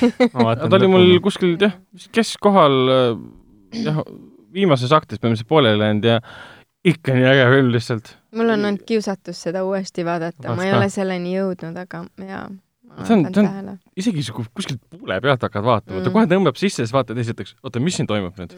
vaatad, aa, nüüd ma saan aru, need on see ja need on see ja siis hakkad vaatama, lõpus on mingi korraga viis erinevat taset, kus Mm. tegevus toimub ja sa tajud, et igal tasemel on erinev Hans Zimmeri muusika, juurde on igal tasel lavastatud, sa vaatad mingi, issand, ainult mingi suur geenius suudab selle lavastada Mm. niimoodi, et see oleks loogiline. Mhm. see on tõesti nagu suurepärane, suurepärane film. Lisaks ma vaatasin esimesed kaks episoodi siis äh, Netflixi uuest seriaalist nimega The Island. nagu Mida- silmamaa või? ei, ta on nagu Island, aga Nii. The I ehk siis mina Minu ja land, jah. okei. ja see pealkiri on nii halb, et see viitab ka selle Okei. seriaali kvaliteedile. et kui sa võtad sõna The Island ja ja paned sellest meie seriaali nimeks The Island, siis see ütleb nii mõndagi seriaali nagu, kvaliteedi nagu, kohta. nagu iRobot või? jah, umbes niimoodi võib öelda. Ja kuna ma sellest seriaalist midagi ei teadnud, aga kuna Netflixis on sees äh, treilerid, Mhm, kus see jookseb, mhm. mis spoilidab kohe kogu selle sisu ära, mis asja? jah, siis on see üsna kehv, et ma seda, õnneks ma seda enne ei teadnud. Mm. põhimõtteliselt point on selles, et äh, mingis troopilisel saarel ärkavad mingi seitse vanti põhimõtteliselt üles, avastavad, et seal on midagi veits nagu Losti moodi, ei nagu Rannamaja või? nüüd paneme saate kinni ja lähme koju magama. Igatahes äh, mingi seitse vanti, ma ei mäleta täpselt, ärkavad seal ranna peal üles troopilisel saarel, nad ei saa mitte midagi aru. Nad ei mäleta, kes nad on, mis nende nimed on, nad avastavad, neil on ühesugused riided seljas, riiete taha on siis kirjutatud nende nimed, Mm, et nad, õrna, mis nimed need on, nad ei mäleta neid. mhm. kas see on see Aadam otsib Eevat või? aa ei, leia, leia, tead seda sarja või? ma ei ole kindel. Need on need, mis Kanal üksteist või kaksteist näitab neid, kuidas nad äh, porgandpaljad, Aa. sakslased ja ameeriklased ja ma ei tea, kes iganes veel saavad kuskil saartel kokku ja otsivad Naked and armastust. Afraid äkki või midagi siukest. Afraid või? ei olnud või? mingi paljad, paljad sarjad on küll. jah, need pal-, paljad sarjad põhimõtteliselt, minu üks oli siis Saksa oma Adam otsib Eevat. ma olen seda paar korda vaadanud, see on see on nii debiili, et mul hakkas paha lihtsalt. ja aga no palun, seal, seal keegi paljas ei ole selles mõttes. see on küll, seda on kahju äkki muidugi. veel jõuab? äkki jõuab teise, teise esimesed soojas., esimesed kaks episoodi on kohutavalt halvad. kui sa hakkad lugema esimesi arvustusi, ütlevad sulle põhimõtteliselt, et alustage kolmandast episoodist vaatamist. sari ise on kaheksa episoodi pikk jah, ja kestab Miks iga kolm? episood mingi kolmkümmend, nelikümmend minutit. Sest kolmanda episoodi alguseks on teada, mis see twist on. näh. seda esimest kahte pole mõtet vaadata, sest seal on lihtsalt mingi kummi venitamine. kõik näitlejad on enam-vähem kohutavad, kõik tekst on enam-vähem kohutav. seal on ju üks tuntud näitleja peaosas ju. ei ole tuntud on, igatahes. on ei. küll, ja seal see kogu tekst on kohutav, dialoog on kohutav, igasugune see narratiivi loogika on ka kohutav. seal näiteks on see, et nad on saarel olnud mingisugune mõned tunnid võib-olla, keegi ei tea, kuidas nad sinna said ja otsustavad, lähevad ujuma. Mhm. Lähevad ujuma, tuleb hai kallale, üks tapetakse ära põhimõtteliselt. okei okay., nad lähevad tagasi, nad on kurvad. Alex Pettifer on tegelikult üsna tuntud, Kate Bosworth ja no Keit Natalie Pasford võib-olla küll, aga Alex Bigi Pettifer ei ole Jaa. tuntud näitleja. Natalie Martinez, ta mängis Under the Dome'is see oli kohutavalt halb seriaal. ja Death Race'is. See on kohutavalt halb film. ma teda vist nägingi viimati. nii, mis ühesõnaga, sa loetled inimesi, kes ei ole tegelikult tuntud. Keit Bosworth on tegelikult tuntud, jah. ja point oligi selles, et nad käisid vees ära ja siis üks sai nendest surma, nad on kõik hästi löödud. jah, ja siis keegi tuleb tagasi kuskil parasjagu metsas, küsib, issand, mis juhtus? teised mingi, jaa, meid ründas äh, hai või mingi asi, me ei saanud aru, mis see oli, see on mingi, oota, kuidas te ei näinud, mis see oli, see oli ilmselgelt hai ju. vaataja sai kohe aru, Mhm. okei te olete vist nagu šokis, ma saan aru, okei. Ja siis pärast oli see, et uuesti keegi küsis, et mis juhtus, kuna keegi polnud seal, ah see oli hai ja mingi, aga nüüd olete kindel, et see oli hai, selge. ja siis üks ne- e- naispeategelane, kes siis seda asja nagu nägi, et see hai oli, Mhm. järgmises episoodis otsustab minna ujuma. oo, tark ja, ja, tüdruk. ja ta on lavastatud niimoodi, et enne kui ta ujuma läheb, oota, kas ta nagu läheb lihtsalt ujuma, et ennast värskendada või mida? e- enne kui ta ujuma läheb, siis ta lööb oma jala ära, kus tekib, näidatakse sihilikult meile Ei ära, et, et verd tuleb natukene. Siis ta läheb ujuma ja siis poole tee peal avastab, oi, hai tuleb ja mul on jalg verine. ja siis ta ujub seal mingi poivi selle mm, päästepaadi Mhm. peale põhimõtteliselt. ja ta, aga see oli lavastatud ilmus niimoodi, issand, ma olen šokeeritud, et hai Mhm. tuleb. enne just Sa tuli hai, kuidas sa siis saad nii loll olla nagu? ja seal järjest siuksed idiootlikud asjad tulevad. oota, kuhu ta ujus üldse? Saare peal? päästepaadi peale, mida ta avastas järsku. aa, järsku. jah, ja seal on hoopis okay,, sündmused on hästi kiiresti kokku pandud, et põhimõtteliselt, kui te mäletate Losti, siis Losti esimene hooaeg vist lõppes sellega, et nad otsustasid minna sisemaale äh, koobastesse, kus on värske mage vesi ööbima Mm. edaspidi mm., mitte olema rannas. siin on see esimeses osas juba, on umbes niimoodi, kuule, me lihtsime siseajal, lähme kähku sinna. hakkavad hääletama omavahel, siis mingid väga feigid, väljamõeldud äh, konfliktid tekivad nende vahel mm. -hmm. ja kõige rohkem häirib mind see, et kõik need tegelased seal kuigi ma tean, et see seostub tegelikult selle pöördega, twistiga, on üliseksikad mehed ja naised, Mhm. nagu modellid põhimõtteliselt. aga ma tean, et see on meelega pandud, sest äh, kolmandast episoodist tuleb mingisugune pööre välja noh, kõik ongi modellid, see on mingi põhimõtteliselt jah, see on meelega, et välimus äh, on oluline, miks nad saarel on. oh my god. ja ma võib-olla puhtalt ma arvan, see on mingisugune Reality show reality show, kus äh, publik vaatab pealt, kuidas inimesed saare peal ja siis surevad ke- keegi ja hääletab endale On- võitja. on mingi Survivor põhimõtteliselt ainult, et nad ei tea, et nad saates kuna ma pärast teist episoodi vaatasin treilerit ka, siis reedis selle kõik ära põhimõtteliselt jah, see niimoodi ongi. Aga see põhimõtteliselt ma, ma vaatan teda edasi ainult sellepärast, et näha, kui halvaks ta võib minna, okay. sest no iga episood on lühike. oota, kolmkümmend minti, kuidas ta on kolmkümmend, lühike nelikümmend? minutit. ja pluss ma see tahan on nii näha halb, et ta ei suutnud isegi tund aega veel venitada või oleks võinud kakskümmend mintsi siis pluss teha. ma tahan näha, kuidas nad selle kontseptsiooniga suudavad, suudavad edasi minna ka. -hmm. aga see on tõesti nagu, see nimetatakse üheks kõige halvemaks seriaaliks, mis Netflixis on üldse olnud praegu. ai, ai, ai niimoodi see ei ole alla käik selles sillas. hakkabki see kõlab väga pihta. masendavalt, ma ei kavasta see, see seda. kõlab väga kohutavalt head ja sa mainisid või head sa vaatasid, ma ei hakka seda küll vaatama. et äh, nagu lihtsalt nagu mis on üllatus, on see, et keegi suutis siukse asja Netflixile maha müüa, kõvasti pappi jaa, saada see on, see on tõesti ja hämmastav., ja reaalselt nagu tema ongi tegija nüüd oma uue sarjaga, mille nimi on The Island. Ja noh, on pandud siuksed, siuksed äh, pseudokuulsused, kes keda sa tead mingitest Random. suvalistest ulmefilmidest, mida keegi ei mäleta põhimõtteliselt, nägupidi ma tundnud mitte kedagi ära peale Kate Bosworthi võib-olla mm, -hmm. Mhm. aga teda ma tean ka mingist ta on, ta on pigem romantilised mingisugused Jah. kammaiad Jah.. no Ja- mina tundsin kolm, kolm inimest ära. keda sa tundsid siis? Tõsi. Petifer, Martines ja Bosworth. kes see Martines on? Under the Dome. surmaralli. mängis, mängis seda politseinikut seal. See oli nii halb seriaal, ma mees, olen ma äh, tean, et see oli halb seriaal. blokkinud selle oma ajust ära. Isegi. Stephen King andis hiljuti teada, kuna see seriaal põhines Stephen Kingi romaanil, et see oli nii halb, et ta on üritanud seda seriaali unustada, palun tehke uuesti ah.. igatahes äh, lähme edasi minu Stephen King on muidugi hea öelda pärast seda, kui ma rahapataka kätte Jep. sai, siis mingi okei okay,, ma annan neile äkki kuus kuud või, kuus kuud hiljem. Siis ma hakkan maha tegema see oli pask. äh,. mul sai raha otsa, tehke uuesti. siis ma sattusin uuesti vaatama sellist filmi nagu John Travolta film nagu äh, Phenomenon, ma Fenomen. mäletan kunagi, see oli ilge teema. kuuenda aasta. film. see oli see, kui ta valguga pihta sai või? ei, seal ühel hetkel on tema sünnipäev ja siis sünnipäeva õhtul ta on purjus ja siis ta näeb taevas mingeid imelikke valgussähvatusi ja üks valgustäpp läheb talle peale ja kohe samal õhtul tal avalduvad väga ülimalt mm. -hmm. intelligentsed võimed, et ta suudab kohe kabet mängida ja malet-, kabet aga kas seal oli mingid Je- Jeesuse omadused, et hakkas inimesi katsuma ja siis nad said ei, terveks ei või?, ei, tal oli mingi nägemisega või ei, mingisugune. midagi sellist ei mingid olnud. saiki, saikiku teema. seal mängiti nende teemadega küll, keegi läks aga kaduma vist seal filmis ju. ja ta tuvastas, kuna ta, üks laps kadus ära ja siis ta, mida lähemale läks, siis ta ise läks ka nagu kuidas nüüd öelda, tal hakkas enda halb olla, kuna sellel mm. -hmm. lapsel oli halb olla, siis ta muutus Aa. empaadiks, et ta tundis ära.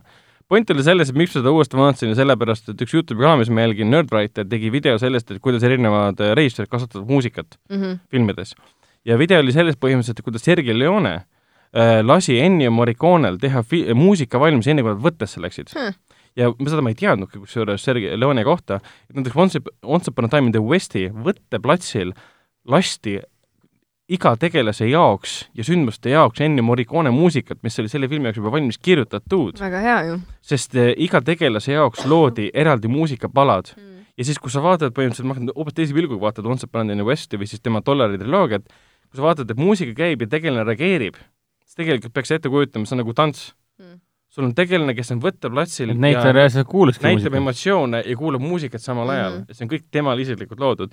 ja kuna see Nerdwriter Youtube'i videos tõi välja ka selle fenomenoni ja ta ütles, et see film ei olnud tema arust väga hea, aga seal on üks hetk, kus kasutatakse Thomas Newmani muusikat, kes kogu filmile teeb suurepärase muusika, üldse on suurepärane helilooja filmidele. ja seal on üks hetk, kus siis ähm, George Malley, kes saab need võimed, on oma aias, ta on väga niisuguses suures stressis pärast teatavaid sündmuseid tuleb see imetavaselt ilus Toomas Newmani muusika peale ja siis see peategelane hakkab tajuma loodust ja seda hingamist tema ümber, hakkab ringi vaatama, paneb silmad kinni, see käib see muusika ja siis noh, see, see lihtsalt töötab, vahet Mm. pole, mis film see on.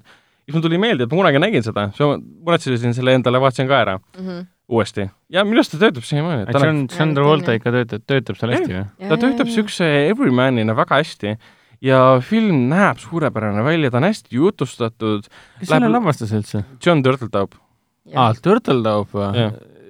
ta tegi National vist Treasure. Speed, Speed kahe ka või? ei teinud, Jan de Bont tegi. Jan de Bont, jaa, jaa, Turtletaupi. ja ta näeb hea välja, tal on hästi jutustatud lugu, seal on see, et sul on mingi automehaanik mingis väikses USA külas, äh, o- ootamatult muutub väga intelligentseks, omandab telekineetilised võimed, suudab tajuda, millal on tulemas näiteks need äh, maavärinad, oskab ähm, põhimõtteliselt väetist äh, teha sellist, mis paneb tema mingid tomatid tohutu suureks mm. -hmm. kasvama ja kabatšokid tohutu suureks kasvama, üritab seal ühe naise seal südant võita, kõik niisugused asjad, sõbra mingi armuelu lahendada ja ühel hetkel läheb muidugi väga süngeks selle koha pealt, teda hakatakse imelikult vaatama ja kui ta leiab selle poisi üles, hakatakse niimoodi minema, et aa, kas sa suudad, suudad meile tulevikku ennustada mm. -hmm. muudetakse tsirkuse loomaks põhimõtteliselt Mm, mm, ja ühel hetkel mingi inimene tassib talle oma poja, et katsu teda, et sa ravid ta terveks, ja- ütles, et ma ei oska seda, millest ta hea, et see räägib. film siis keskaja laseti leida, muidu oleks ta juba tuleli. ära põletatud ja siis ühel hetkel FBI viib ta ära, sest ta kogemata tuvastas mingisuguse koodi, salajase mm Mhm. -hmm. koodi, mis on sõjaväega seotud ja niisugused klassikalised momendid, aga mm. Ma ei mäle- mäleta, miks ma seda kunagi nägin, Marti jooksis kas Kanal kahe või teine tõenäoliselt ole küll jah, ta oli väga populaarne, ma ülipopulaarne ei mäleta film ta tundub väga, ta on romantiline fantaasiafilm, selle kohta Mhm. öeldakse. ja ta on hästi selline klišeeline selle koha pealt, et sul on niisugune meeldiv mees, kes muutub veel meeldivamaks, aga intelligentsemaks. Kunagi see ei olnud klišee, see oli päristis, aga lihtsalt pärast No seda jah, hakati jah. tegema siukseid asju, mis mis nagu aasta see on, üheksakümmend? kuus. üheksakümmend kuus ja see on Disney film ka tegelikult. no vot, seda enam. stuudio, kes seda tootis, on Disney all. et see oli niisugune üheksakümnendate klassikaline draamafilm, kus Mm. ongi niisugune üks peategelane, kellega juhtub midagi ja Mm. siis äh, juhtuvad head ja asjad, halvad, head ja halvad asjad. Mhm. ja siis noh, pärast seda ikka noh, üritati veel siukseid draamasid teha, aga draamad on järjest nõrgemaks. tol, tollases perioodis mul tuleb see Sean Patrick Flannery film, see Powder meelde, kus Mm. ta oli see, kehastas keldris elavat albiinopoissi, kellel oli eriline suhe äh, elektriga ja pani vist loomi või surnud, surnud loomi äratas ellu ja nii edasi. Jaa. seda. mingi välk tabas teda lõpus ja jah kuigi küll. selle filmiga, kas selle filmiga oli mingi teema sellega, et režissöör oli mingi räige pervert või? seda ma ei tea. mul tuleb nagu vaikselt meelde, et see? Powder, nagu Powder, no põhimõtteliselt nagu pulber, ma ei tea, mis ta eesti keeles ta oli, aga ta albiino poissi mängis Sean Patrick Flannery. mul on niisugune tunne, et ma olen kunagi Jeff Goldblum ja, ja Goldblum ja- mängis ka seal? Lance Henriksen. Lance, aga kes see režissöör oli ah.? Viktor Salva oli selle režissöör. Victor Salva, see, kes tegi Jeepers Creepersi. ja, ja kes mõisteti enne esi, enne see mõisteti Powderit. pedofiilias vist kuradi vangi. jaa, jaa, vot täpselt, jaa. ta on äh, reaalselt äh, kinni mõistetud ja aega veetnud äh, child sexual abuser. täiesti päris. Ja tal lasti- sorry. ja põhimõtteliselt tal lasti, kes selle Powderit tootis Hollywood Pictures, Buena Vista, Disney ja põhimõtteliselt mm Mhm. -hmm. Disney lubas tal uh, teades seda infot tema kohta filmi teha. Ja tüüp tegi veel kolm Jeepers Creepersi filmi ka. nüüd tundub vaikselt on inimesed aru saanud, et tema filme enam keegi ei vaata, sest nagu see on, come on mm, Mhm. -hmm. rõve juba. ja see, selle jaoks mul tuligi see meelde, et nagu film on iseenesest hea, aga kui ma hiljuti lugesin seda infot, siis ma olin nagu täiesti šokeeritud, et selle peale tegi hoopis teine tunne seda mhmh, keldris elav albiino poiss, kes Mis- varjab ennast maailma eest, no mis seosed me siin looma hakkame? aga sellest äh, fenomenoni äh, ajastust tegelikult üks film on äh, veel, kus üks väike poiss oli peaosas äh,. Oliver Platt mängis seal ka, ma üritan praegu seda leida. Oliver Platt. jaa, seal oli üks ähm, mis seal sisu oli? Simon Birch. Filmi nimi või? jaa, see oli ka, jaa, Disney- Jim. Carrey mängis seal ka. see oli ka Disney film äh, see oli see väike poiss, väike poiss, kes on ähm, Jim Carrey't seal ei mänginud? ei, minu meelest mängis mm Mhm. -mm. täiskasvanud versiooni kedagi. ei, kindel või? ei kindlasti mitte. Aga see oli ka väiksed poisid, kellel olid mingid võimed, et see oli jah mingi periood just Disneyl, kus nad lihtsalt tootsid Mm. võimetega see oli inimeste see sugusid. dwarfismiga või see, kuidas eesti keeles on, väikese inimese jaa. mm, jah, võib ka nii öelda. seal oli jah, see Simon Birch oli see väike, väike poiss, kes ei kasvanud kunagi suureks mm. Mhm. ja kurat, mul on küll tunne, et Jim Carrey mängis äh, filmi alguses ainult äh,, kuna see oli see noh, meenutus nii-öelda ja siis ta läks tagasi minevikku. okay., seda näidati vist TV3 pealt või kuskil hästi tihti, ma mäletan seda väga selgelt mm., väga lahe film, niisugune äh, Stephen Kingi selle Stand By Me Mm. mm. sarnane või laadne, niisugune okay. müstiline ja samas huvitav. aga Fenomen on jah, minu arust siiamaani selline hästi ilus, liigutav, tore film, millele ei oska nagu midagi otseselt ette heita, peale selle, selle temaatikaga oleks saanud isegi teravamaks või huvitavamaks Mm. mm. või kuidagi kõrgemaks ja kõr- suuremaks Disney minna. siis ei, ei saa. aga ta tegi sellega nagu piisavalt mm.. ja, ja Travolta seal mõjus nii lahedalt, arvestades sellega, millega karjäär äh, tal, kuhu ta jõudnud sellega praegu on, osaleb mingi Fred Durstiga mingis Maniaki filmis, kus ta mängib äh, selle selle pealkiri oli ka, keegi oligi vist mäletab või? Maniak või, või midagi laadset, kus ta mängib seda, ma ei tea, kas see on mingi fänn ei olnud. või fänn vist oli jah, et Limp Bizkiti laulja vist ise Mhm. mängib iseennast ja Jah, siis Travolta tegelaskuju on tema suur fänn ja film olevat räme saast. et see on nii kahju, mis Travoltast Mhm. saanud on, sest tema nii- nii-öelda noorusaja või siis üheksakümnendates, siis kui ta neid Pulp Fictionit tegid ja ta oli maailma suurim. Face Off ja täp-, täpselt, et Face Off ka, et, et nii- nii palju suurepäraseid filme ja nüüd ta on lihtsalt mingisugune unustatud kuju, kes teeb filme, mille Nad on nii legendaarseid asju teinud, näiteks seesama, see, mäletate seda, vaata kunagi oli Kristjan Slater teema ju. jaa. Mis see oli, see op operatsioon Murtud nool? jaa, Broken Arrow. Broken jaa, Arrow mäletad, kui nad seal jaa. pestikad äh, Travolta ja Slater ja siis Travolta varastab mingi üüber-super äh, lennuki ära mm -hmm, ja Mhm, siis kuskil mm. -hmm. kuskil USA kõrbest jooksevad seal ringi ja ei, ta ei varastanud lennuki, ta varastas need tuumalõhkepead ja Jaa. yeah. Broken Arrow on koodnimi, et kui tuumalõhkepead läheb kaduma. jah, ja jah, see oli ka John Woo film, sama mees, kes lavastas selle Face Offi. lavastas John Woo või Jah.? aa, kui lahe. mul on, see oli lapsepõlve lemmik, me vaatasime seda sinuga mingi miljoneid kordi Mm. arust, et see oli peas vahepeal meil. vot, aga selle noodi pealt ongi meil hea edasi minna filmide juurde, millest, millest me nüüd pikemalt räägime, võib-olla ainult see teine peatükk, ehk siis teistest kino, filmidest me oleme rääkinud, rääkinud, need on need filmid, mis alustasid siis eelmisel nädalal, Mm. kuuendal septembril. aga jätkame filmidega, mis nüüd eelmisel nädalal kinodes alustasid, need on siis filmid, mis alustasid kuuendal septembril, nende hulgas on siis, oli, olid siis see teine peatükk, millest me ka eelmises saates rääkisime, kohtunik, millest me eelmises saates ka rääkisime, aga ka Odessa, Apollo üksteist ja Kuhu sa küll kadusid, Bernadette.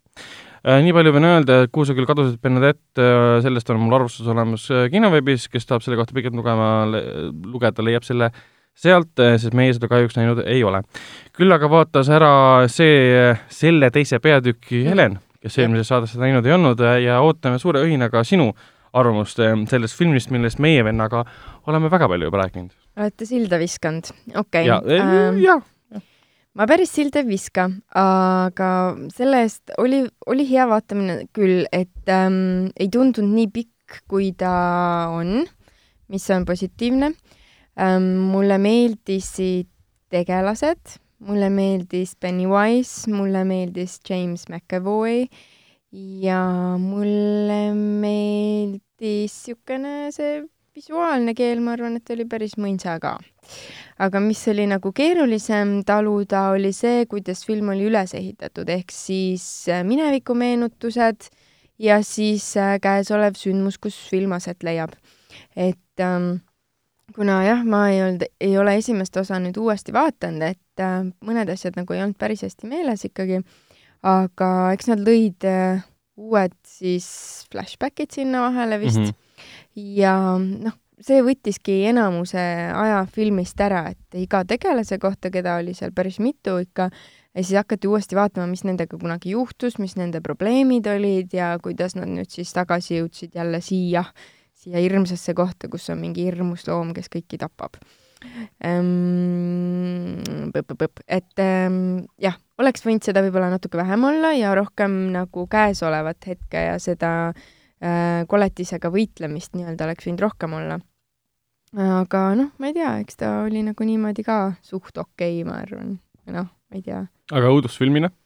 õudusfilmina, õudusfilmina, pigem oli nagu fantaasiafilm kohati rohkem, sellega ma nõustun täiesti, jah. et äh, mis tegelikult olid päris okeikad, olid need äh, siuksed jumpscare'id, et ähm, tavaliselt mulle need ei meeldi, et no kuidagi siukene äh, odav populaarsus, et aa, ma nüüd ehmatan sind ehmata ja siis on kõik hästi õudne, nii.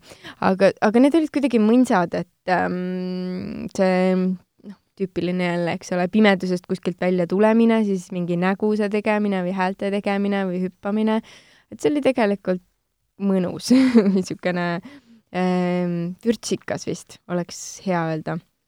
ja, ja mulle need tõesti isegi meeldisid, eriti see, kui Pennywise jälle kuskilt tuli mingi oma suure lõustaga ja hammaste ja muu asjadega. aga kuidas sulle Bill Skarsgardi esitus seekord tundus, et mulle küll kohati tundus see, et kuna nii palju, kasutati seekord Pennywise'i kujutamisel äh, toetuti, nõjatuti siis CGI-le, Mm -hmm. artefektidele, siis mulle veits, mulle tundus, et nagu tema enda esitus läks kaduma sinna. kusjuures ma olin just üllatunud, et äh, ma ei tea, kas see on nüüd spoiler või midagi või, aga et ta oli ju ka ilma meigita seal täitsa olemas, et see ei ole spoiler, sest me ei anna konteksti. okei okay., et see oli nagu äge, et ma nägin teda ennast seal, et ma ei mm -hmm. Mhm. olnud nagu selle jaoks valmis, et see oli ka nagu sihuke teatud mõttes sihuke jumpscare, et aa, vaata päris nägu, mis mõttes onju. ja vägev, vägev stseen on, oli. küll ja see, kuidas ta nagu silmad vaatasid eri suunda, mida ta päris elus suudabki teha. Nagu what the heck, kuidas nagu et ta oli Bill Haderit, kes mängis seda siis Richard. äh, Richardit, võtteplatsil väga palju ehmatanud mitu korda sellega, et näe, ma vaatan erinevatest suundadest. ma mõtlesin täiega, et see on nagu pärast tehtud arvutiga, ma reaalselt arvasin mm, Mm-mm. -mm. et ma ei üldse süvenenudki, vaata onju, ja siis, et ahaa, see on nagunii pärast postis tehtud ei, mingi osa kindlasti tehti postis ka, kui oli seal Mm. väga jõhkrate mm. erinevates suundades, aga need Mhm. kõige tavalisemad pilgud, mis läksid Mhm. erinevates suundades, olid tema omad. ai, vot siis, mis mees, et et tõelise mehe nagu omaduse suudab vaadata silku ja saia korraga. Su-, mis asja, silku ja saiu korraga või? jaa, eri suundades Aa, vaata. aga mulle meeldis tegelikult ka Jessica Chastain. Chastain ka, ta oli ka äge. ja ma ei tea, ma ei oskagi väga palju sellest rääkida võib-olla mingil põhjusel, ma ei tea. Sa enne rääkisid, et äh, sulle tegelikult ähm, peale selle, et oli kuidagi episoodiliselt jaotatud, kuna kogu narratiiv põhimõtteliselt segunes sellest, et me saime aru, mis juhtus nende äh, täiskasvanutega nagu minevikus mm -hmm. ja aga kuidas sulle see, see lõpp sobis? oota, las ma korra mõtlen. kuna esimeses osas nad said Pennywise'ist jagu mm, mm -hmm. anti asja, et ta tuleb tagasi kakskümmend seitse aastat hiljem mm. -hmm. siis nüüd oli nagu see viimane lahing Mm -hmm. ja see lõpp muutus ju veits, kuidas nüüd öelda, ulmekaks, sest me saime teada, et et Pennywise on hästi kaua olnud ja Mhm. temaga on enne ka võideldud ja Mhm. kust ta tegelikult kuidas- pärit on ja ja mis need reeglid on, millega, kuidas temaga võidelda, see läks käest ära veits. läks jah? mm,. et äh, ma oleks tahtnud äh, näha teda kõvasti piinlemas, et äh, või siis kõvasti peksa saamas, täpselt nii, nagu tema on kõiki teisi äh, piinanud, peksnud, röövinud, tapnud äh,, mida iganes, noh, alguses juba oli niisugune, film algaski kohe väga niisuguse ähm, aktiivse, mis asi see võiks olla? räige vägi-, veristamisega räige vägivallaga. jah, et eh, siis nagu ma oleks teatud mõttes ootanud, et ta saab seda ise natsu tagasi ka, aga ta väga tegelikult ei saanud ju. aga noh, jaa, selles mõttes küll, et kui meenutada esimese osa lõppu, siis minu jaoks kõige, kõige meeldejäävam osa sellest nii-öelda lõpuvõitlusest äh, Pennywise'iga oli see, kuidas äh, kõik need noored lapsed äh, võitlevad äh, ühe teemantliku klouniga ja mm Mhm. -hmm. siis see kloun võtab järjest neid erinevaid kujusid, mille abil ta mm Mhm. -hmm. juba on terve filmi aja neid äh, lapsi kummit-, ehmatanud ja kummi- kummitanud just, et, et siin nagu ta ei kummitanud nagu, üldse nagu sisemiste, tegelikult. sisemised hirmud ja teemonid, aga siis lõpus on see, et nagu nad saavad sellest üle, nad enam ei karda, sest mm -hmm. nad on, nad on koos. Te ei ole enam üksi, te ei pea enam neid asju kartma, noh, ta ju võttis, haaras kinni sellest, mida nad juba niigi kardavad mm -hmm. Mhm. ja siis võttis, võimendas seda nii-öelda. ja mulle meeldis see lõpus, et me, me saime esimese osa lõpus väga hästi aru, et Pennywise toitub hirmust mm. mm. -hmm. see on tema nagu eluallikas, et tema, tema ohver peab olema surmani hirmunud ja siis on tema võim mm., siis ta sööb ta ära ja siis ta on, noh, ta saabki selle jõu just nimelt sealt ja mulle hullult meeldis see, kuidas nad tagusid teda seal esimese osa lõpus, kõik mitmekesti mm, -hmm, ja ta mhm. muutus aina väiksemaks nii-öelda, ta võttis oma tavalise klouni kuju ja siis ta oli selle augu juures, ta nagu taandus sinna auku ja siis kas oli siis võlts või siis temapoolne kurikavalus või oli see nagu siiras, aga ma pigem usun, et see oli nagu siiras es esimese lõpus, et ta oli selle augu ääres, vaatas nende poole ja ta oli nagu hirmunud Mhm. sellepärast, et äh, nad ei karda mind enam mm. -hmm. see mulle nagu tohutult läks korda, et kuidas, kuidas noored Mm. mm., no selle esimese filmi nagu mõte on ju selle romaanis ka, et see esimese osa nii-öelda mõte ongi ju see, kuidas sa saad oma hirmust üle mm, -hmm. kui sa Mhm. võtad selle klouni sealt ära, siis tegelikult need, need on ju äh, see, noh, heidikud äh, löövad äh, panevad kokku meeskonna, sest me oleme heidikutest koosnev meeskond ja meil on koos palju Jaa. parem ja turvalisem olla, see on nagu kogu loo põhimõte ju seisneb ju selles, kui nad veel noored olid mm. -hmm. ja siis see kloun kui selline on kõik see kurjus, mis seal mm -hmm. Mhm. oli, et ega tegelik kurjus oli ju äh, nende elukeskkond, nende mm, Mhm. -hmm. nende vanemad äh, koolikiusajad mm -hmm. ja nii Mhm. edasi. kloun on pigem see, mis nagu on, on sümboliseeris seda koond, koondhirmu, koondkurjust. ja, Mhm. ja aga teise osa lõpus teise osa oli lõpus ei olnud see enam. nagu puudu seda, seda efekti nagu ei olnud, seda, seda, seda, kuidas seda öelda, et kui sul on juba nii äh, mitmetasandiline lugu esimeses osas kokku pandud, siis see lõpp nagu toimus fantastiliselt, esimene osa lõpp siis. aga teisel osal nagu ei olnud enam ei seda. tulnud ja pluss noh, ma tihtipeale ikkagi hakkasin mõtlema jälle selle peale, et äh, kas need peategelased nagu veits vanad ei olnud selle jaoks, et noh, ma saan aru, et neil oli mingit ajakäppi sinna vaja, vaja hirmsasti, aga no kui sa oled mingi neli kakskümmend seitse aastat pidi noh, nelikümmend pluss on ju, no kaua sa seda klouni kardad, eks, et äh, oma minevikuhirmudega loomulikult on raske hakkama saada ja nii, mis, mis oli väga kandev osa selles filmis ja sellepärast, et flashbackid seal ka olid. aga et noh, nagu tõesti mõtlen, et aga mis vanused nad oleks võinud olla siis, aga, aga noh, kohati oli nagu niisugune tunne, et see, see nagu lõhkus midagi või, või ma ei tea, kuidagi jättis niisuguse pigem kahtlase see oli see, kuidas nüüd öelda, lihtsa lahenduse tunne no,. et lihtsam on anda sellele, ütleme sellele kollile siis Mhm. peksa mm, -hmm. sõna otseses mõttes mm. -hmm. kui leida see lahe, huvitav psühholoogiliselt mm. -hmm. läbimõeldud lähenemine nagu esimese osa lõpus. et ta veits muutus lihtsalt, et anname talle kambekesi ka mm. -hmm. tappa ja oli kõik. aga mis see, mis see lõpp siis teie arvates oleks võinud olla, kui ta oleks olnud sarnane esimese lõpuga, et esimene osa on see, et eh, ta Mm. mõistab, et mind enam ei kardeta ja siis tänu sellele hakkan mina kartma neid. seda uuesti teha poleks saanud, nojah, seda küll sest, aga teine, Mhm. teine osa näitas, et sa ei pruugi mind enam karta, aga mul on ikkagi sinu üle võim. kavalus, mis iganes kavalus oleks võinud välja mõelda, et noh, see ongi seesama välismaa film, mis ma vaatasin eh, ennem. eri, Elementaari või? jah, Elementari, et seal oli kavalus, seal olid väga kindlad konkreetsed nipid, kuidas oli see vanakuri seal ohjes hoitud või kuidas ta nagu, kuidas temaga oli hakkama saadud. Et äh, näiteks selles It Chapter Two, seal ei olnud siukse kavalusi, seal ei olnud kordagi seda, et, et me teeme nii või me teeme seda plaani ja siis, ja siis isegi kui see plaan pekki läheb, siis meil on plaan B ja meil on plaan C ja kõik siuksed asjad, et siuksi detailid, mis on nagu intelligentsed, neid asju ei olnud kasutatud. et need asjad kindlasti oleks kuidagi selle päästnud, et neid oli ju kokku, ma ei tea, kuus või seitse või. Nad oleks ju suutnud kamba peale välja Seitse, mõelda midagi, kuidas ühte klouni ohjeldada, et äh, kuigi väga riukalik kloun ja väga staažikas mõrvar, eks ole, Mm. aga, aga mingi variant oleks olnud. eks, eks see on vist see teema ka, et vaata, esimeses osas nad on lapsed ja siis on Mm. ju palju loogilisem lahe, no la, palju loogilisem on, on see, et sul on teemantlik loom versus lapsed, ehk siis mm. -hmm. lapsel, lastel on ju suurem fantaasia ja mm. -hmm. suurem hirm, aga täiskasvanute teema on pigem see, minu meelest väga hästi filmi teise osa algus näitas väga hästi seda, mis asi on äh, ku-, nagu, et seal, mis seal Terri linnas äh, see, mis selle mustanahalise tegelase nimi oli, kes jäi Terrisse elama? Jim, Jim, ei, oota, ma praegu ei mäleta nime, igatahes ük, üks nendest sõpradest jäi ju linna elama ainukesena ainukesena. ja tema kõik need kakskümmend seitse aastat te- tegi oma elutööks, et äh, jälgida mm. -hmm. Kõiki neid, uurida algul Pennywise'i mütoloogiat, et teada saada, kuidas temaga, temaga võidelda ja kui kakskümmend seitse aastat hakkas, hakkas nagu täis tiksuma, siis hakkas äh, paaniliselt otsima, et kas mingi äh, vägivallajuhtum või midagi kummalist võiks viitada sellele, et Mhm. Pennywise on tagasi. ja, ja tegelikult meil on ju üks kes on filmi näinud, teab väga hästi, mis ma mõtlen, ma ei hakka nagu ära spoilerdama, aga, aga äh, Maik, Maik jah, Maiki tegelane uuris seda, aga Xavier, Javier, Javier Dolan. Javier Dolaniga äh, kuulus, kuulus Indigo, Indigo, no enam ta laps ei ole, aga noh, igatahes kunagi ta oli ta tohutult noor äh, Indigo, Indigo režissöör nii-öelda, eriti noores peas hakkas Mm. mm. lavastama filme ja nüüd ta tegi, tegi siin üllatusrolli. ja temaga seoses on täitsa filmi alguses üks äh, väga jube vägivallatseen, põhimõtteliselt niisugune viha, viharoim põhimõtteliselt mm. -hmm. et äh, et kui esimeses osas sul on lapsed versus kloun, siis teises osas enam ei saa ju klouni olla nii-öelda mm.. et mina oleksin oodanud, et sellest algus äh,, alguses toimunud vägivallatseenist saabki alguse yeah., jah, äh, mis hirmutab täiskasvanud kõige mm. -hmm. rohkem.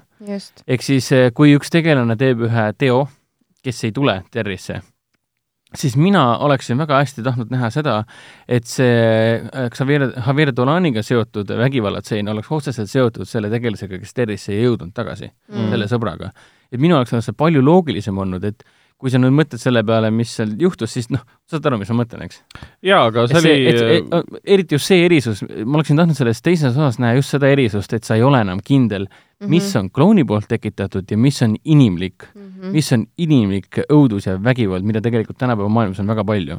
ja ka seda et see see, oleks võinud sees olla. see oli nii romaanis, kuigi see ilmus ju kahe, kaheksakümmend kuus? jah, kuigi selles filmis nüüd tänapäevases kontekstis sobis sinna see algus minu arust selle, selle koha pealt, et see on ülimalt vägivaldne koht, mida võimendas Pennywise'i olemasolu, see, et ta Mhm. üldse eksisteeris seal, ta tekitas seda Jah. sinna juurde, muutis asja ainult jubedamaks. See on miski, mis on, oleks olemas olnud niikuinii, aga tema siis võimendas seda ja andis sellele uue tähenduse. aga kahjuks sellist äh, äh, see on teistmoodi hirm, mida täiskasvanud tunnevad. aga, aga, aga minu meelest filmis ju, kui nüüd ma peaks uuesti vaatama, minu meelest filmis ennast seda ei olnudki ei rohkem. olnud rohkem. ei olnud, ei. sellist, sellist ähm, päriselu vägivalda, mida võimendab Pennywise, see on Mhm., see olekski pidanud olema tema Mhm. kavalus ju. ma olen, ma olen tagasi, aga te pole päris kindel Jaa. selles. ja, ja siis oleks ju lõpp olnud ka hoopis teistsugune, kui oleks olnud mingisugune kahtlus või mingi variant, et inimene on inimese vastu või peategelased üksteise vastu näiteks no täpselt, et. Pennywise oleks võinud vabalt ju ühe nendest äh, maha murda Jah. ja äh, hoopis teda teiselnud jah, näiteks ja täpselt. mänginud nende tunnetega ja nii edasi Mhm. no siin veits seda oli, et meil üks esimesest osast äh, tuntud pahatükk tuli tagasi, kes oli vahepeal hullumajas olnud. nojah, aga tema oli kuidagi kes- nii alakasutatud. see üldse ei toiminud. See oli, see oleks võinud ka olemata olla, see oli väga fun karakter küll ja väga ta poleks mitte midagi muutnud, nagu kui ta kui see poleks oleks olnud. välja lõigatud, mitte midagi esimeses osa, osas oli ta ikka väga niisugune Riukalik. riukalik ja niisugune menacing, vastik Mhm. tegelane. ja see, mis ta lõpus tegema hakkas seal ja oma, oma isale ja nii edasi, see oli ikka Mm. mm. harukordselt haige tegelikult Mm. mm.. aga teises osas ta mu- ta oli nagu mingisugune slapstick komedi tegelane, tuli mm. ja läks ja mingi jah, oli küll sai pigem niisugune naljakas ja võtab noa rinnast ära, jookseb ühesõnaga teise, see teise, teise peatüki kohta võib öelda, et äh, väga loominguliselt välja mõeldud äh, õudusfantaasia momentidega film, mille võib-olla vahepealne voodeldus, mis puudutab siis karaktereid ja võib-olla teatavaid sü- süžee nüansse ei töötanud niivõrd hästi, sest režissöör eelistas pigem sellist fantaasiarikast äh, CGI-d täis, väga hea CGI-d, sest ta nägi hea välja selles mm. -hmm. filmis et ta on muljetavaldav äh, film. muljetavaldavat sellist äh, fantaasia horrorit näidata, kui, kuigi film kestis peaaegu kolm tundi. aga ta, noh, võib ju mõelda, et tegelikult tal oli aega, et karaktereid võib-olla paremini välja tuua, mingeid elemente paremini välja ehitada, aga ta otsustas mingile muudele asjadele keskenduda Mm. ja need olid nagu nii ilmselged muud asjad. et liiga lihtne ta muutis kogu selle asja, kuidas öelda, blockbusteriks. mm.. ta, ta ongi horror blockbuster selle koha pealt. sul võib-olla ongi niimoodi, et noh, sa ei peagi võib-olla karakteritest nii väga hoolima. ma ei ole muidugi raamatut lugenud, aga võib-olla on äh, miinus tekkiski sellest, et nad jälgisid äh, liiga palju kingi kirjutatud, ka võimalik. et üks asi on see, mis töötab hästi Jaa. raamatus ei tööta enam Ei hästi kino sama. seda ei oska jah võtta ümber lükata, et see on- või, või see on nagu täitsa võimalik ja no Mm. teine miinus on see, et ta on esimese osa järg. mm,. kui sul on ikkagi nii tugev esimene osa, siis tegelikult on alati olnud väga raske teha järge. mm.. kuigi noh, antud juhul on see, et see järg on selline järg, mida, mis pidigi olema. tegelikult, kui sa vaatad IT, IT filmi, siis loogiline oleks vaadata kaks osa järjest. Mm. et noh, nad on üks tervik tegelikult, nad kuuluvadki kokku. siin Ma- seda ei saa öelda, et siin ah nüüd Hollywoodil oli raha noh, režissöör Andy, Andy Muschietti nüüd räägib, et Blu-ray'le tuleb ähm, seitsme või, või siis kuuetunnine variant, mis on kaks filmi kokku lõigatud. Sest kuna teine film algab põhimõtteliselt esimese filmi lõpuga, siis veits oli tunda seda, kuidas ta üritab seda väga Mm. nagu kiiresti kokku ühendada omavahel, et sa Mhm. nagu tunneksid, et sa oledki nagu, nagu poleks aega mööda läinud. mm. aga eks näeme. selles mõttes film on hea, -hmm. Jah, aga lihtsalt mõned asjad, mille poolest ta võib-olla Kingi varasemad ekraniseeringud on silma paistnud, see, see nagu võib-olla enam nii silma paistnud, sest Kingi eripära on see, et tavaliselt ju eriti romaanides või isegi lühilugudes, et ta suudab mõne lausega muuta sulle, sinu ja lugeja jaoks siis eh, tegelase, sa suudad temaga samastuda Mm. kohe sinu jaoks huvitavaks, kohe põnevaks, sa haarad kohe temast millegi, milleski kinni ja kõigest mõne lausega su- suudab seda teha. aga see film ei suutnud neid vanemad karakterid teha seda ka võib-olla kolme tunniga mm., välja arvatud mõne karakteriga, nagu see James Franzoni karakter ja siis Bill Haderi karakter, kes olid hoopis säravamad minu silmis kui, kui James McAvoy ja Chastain, kes on oluliselt tuntumad näitlejad mm.. Mm. aga nendel vähem tuntumatel näitlejatel, Ranzonias ja Heider, oli karakterimomendid, mis töötasid silmnähtavalt paremini kui, kui teistel siis. jah, no selge, selge, ehk siis Helen tegelikult sulle meeldis, aga teatavate mööndustega. jah, no selge, jah, jah.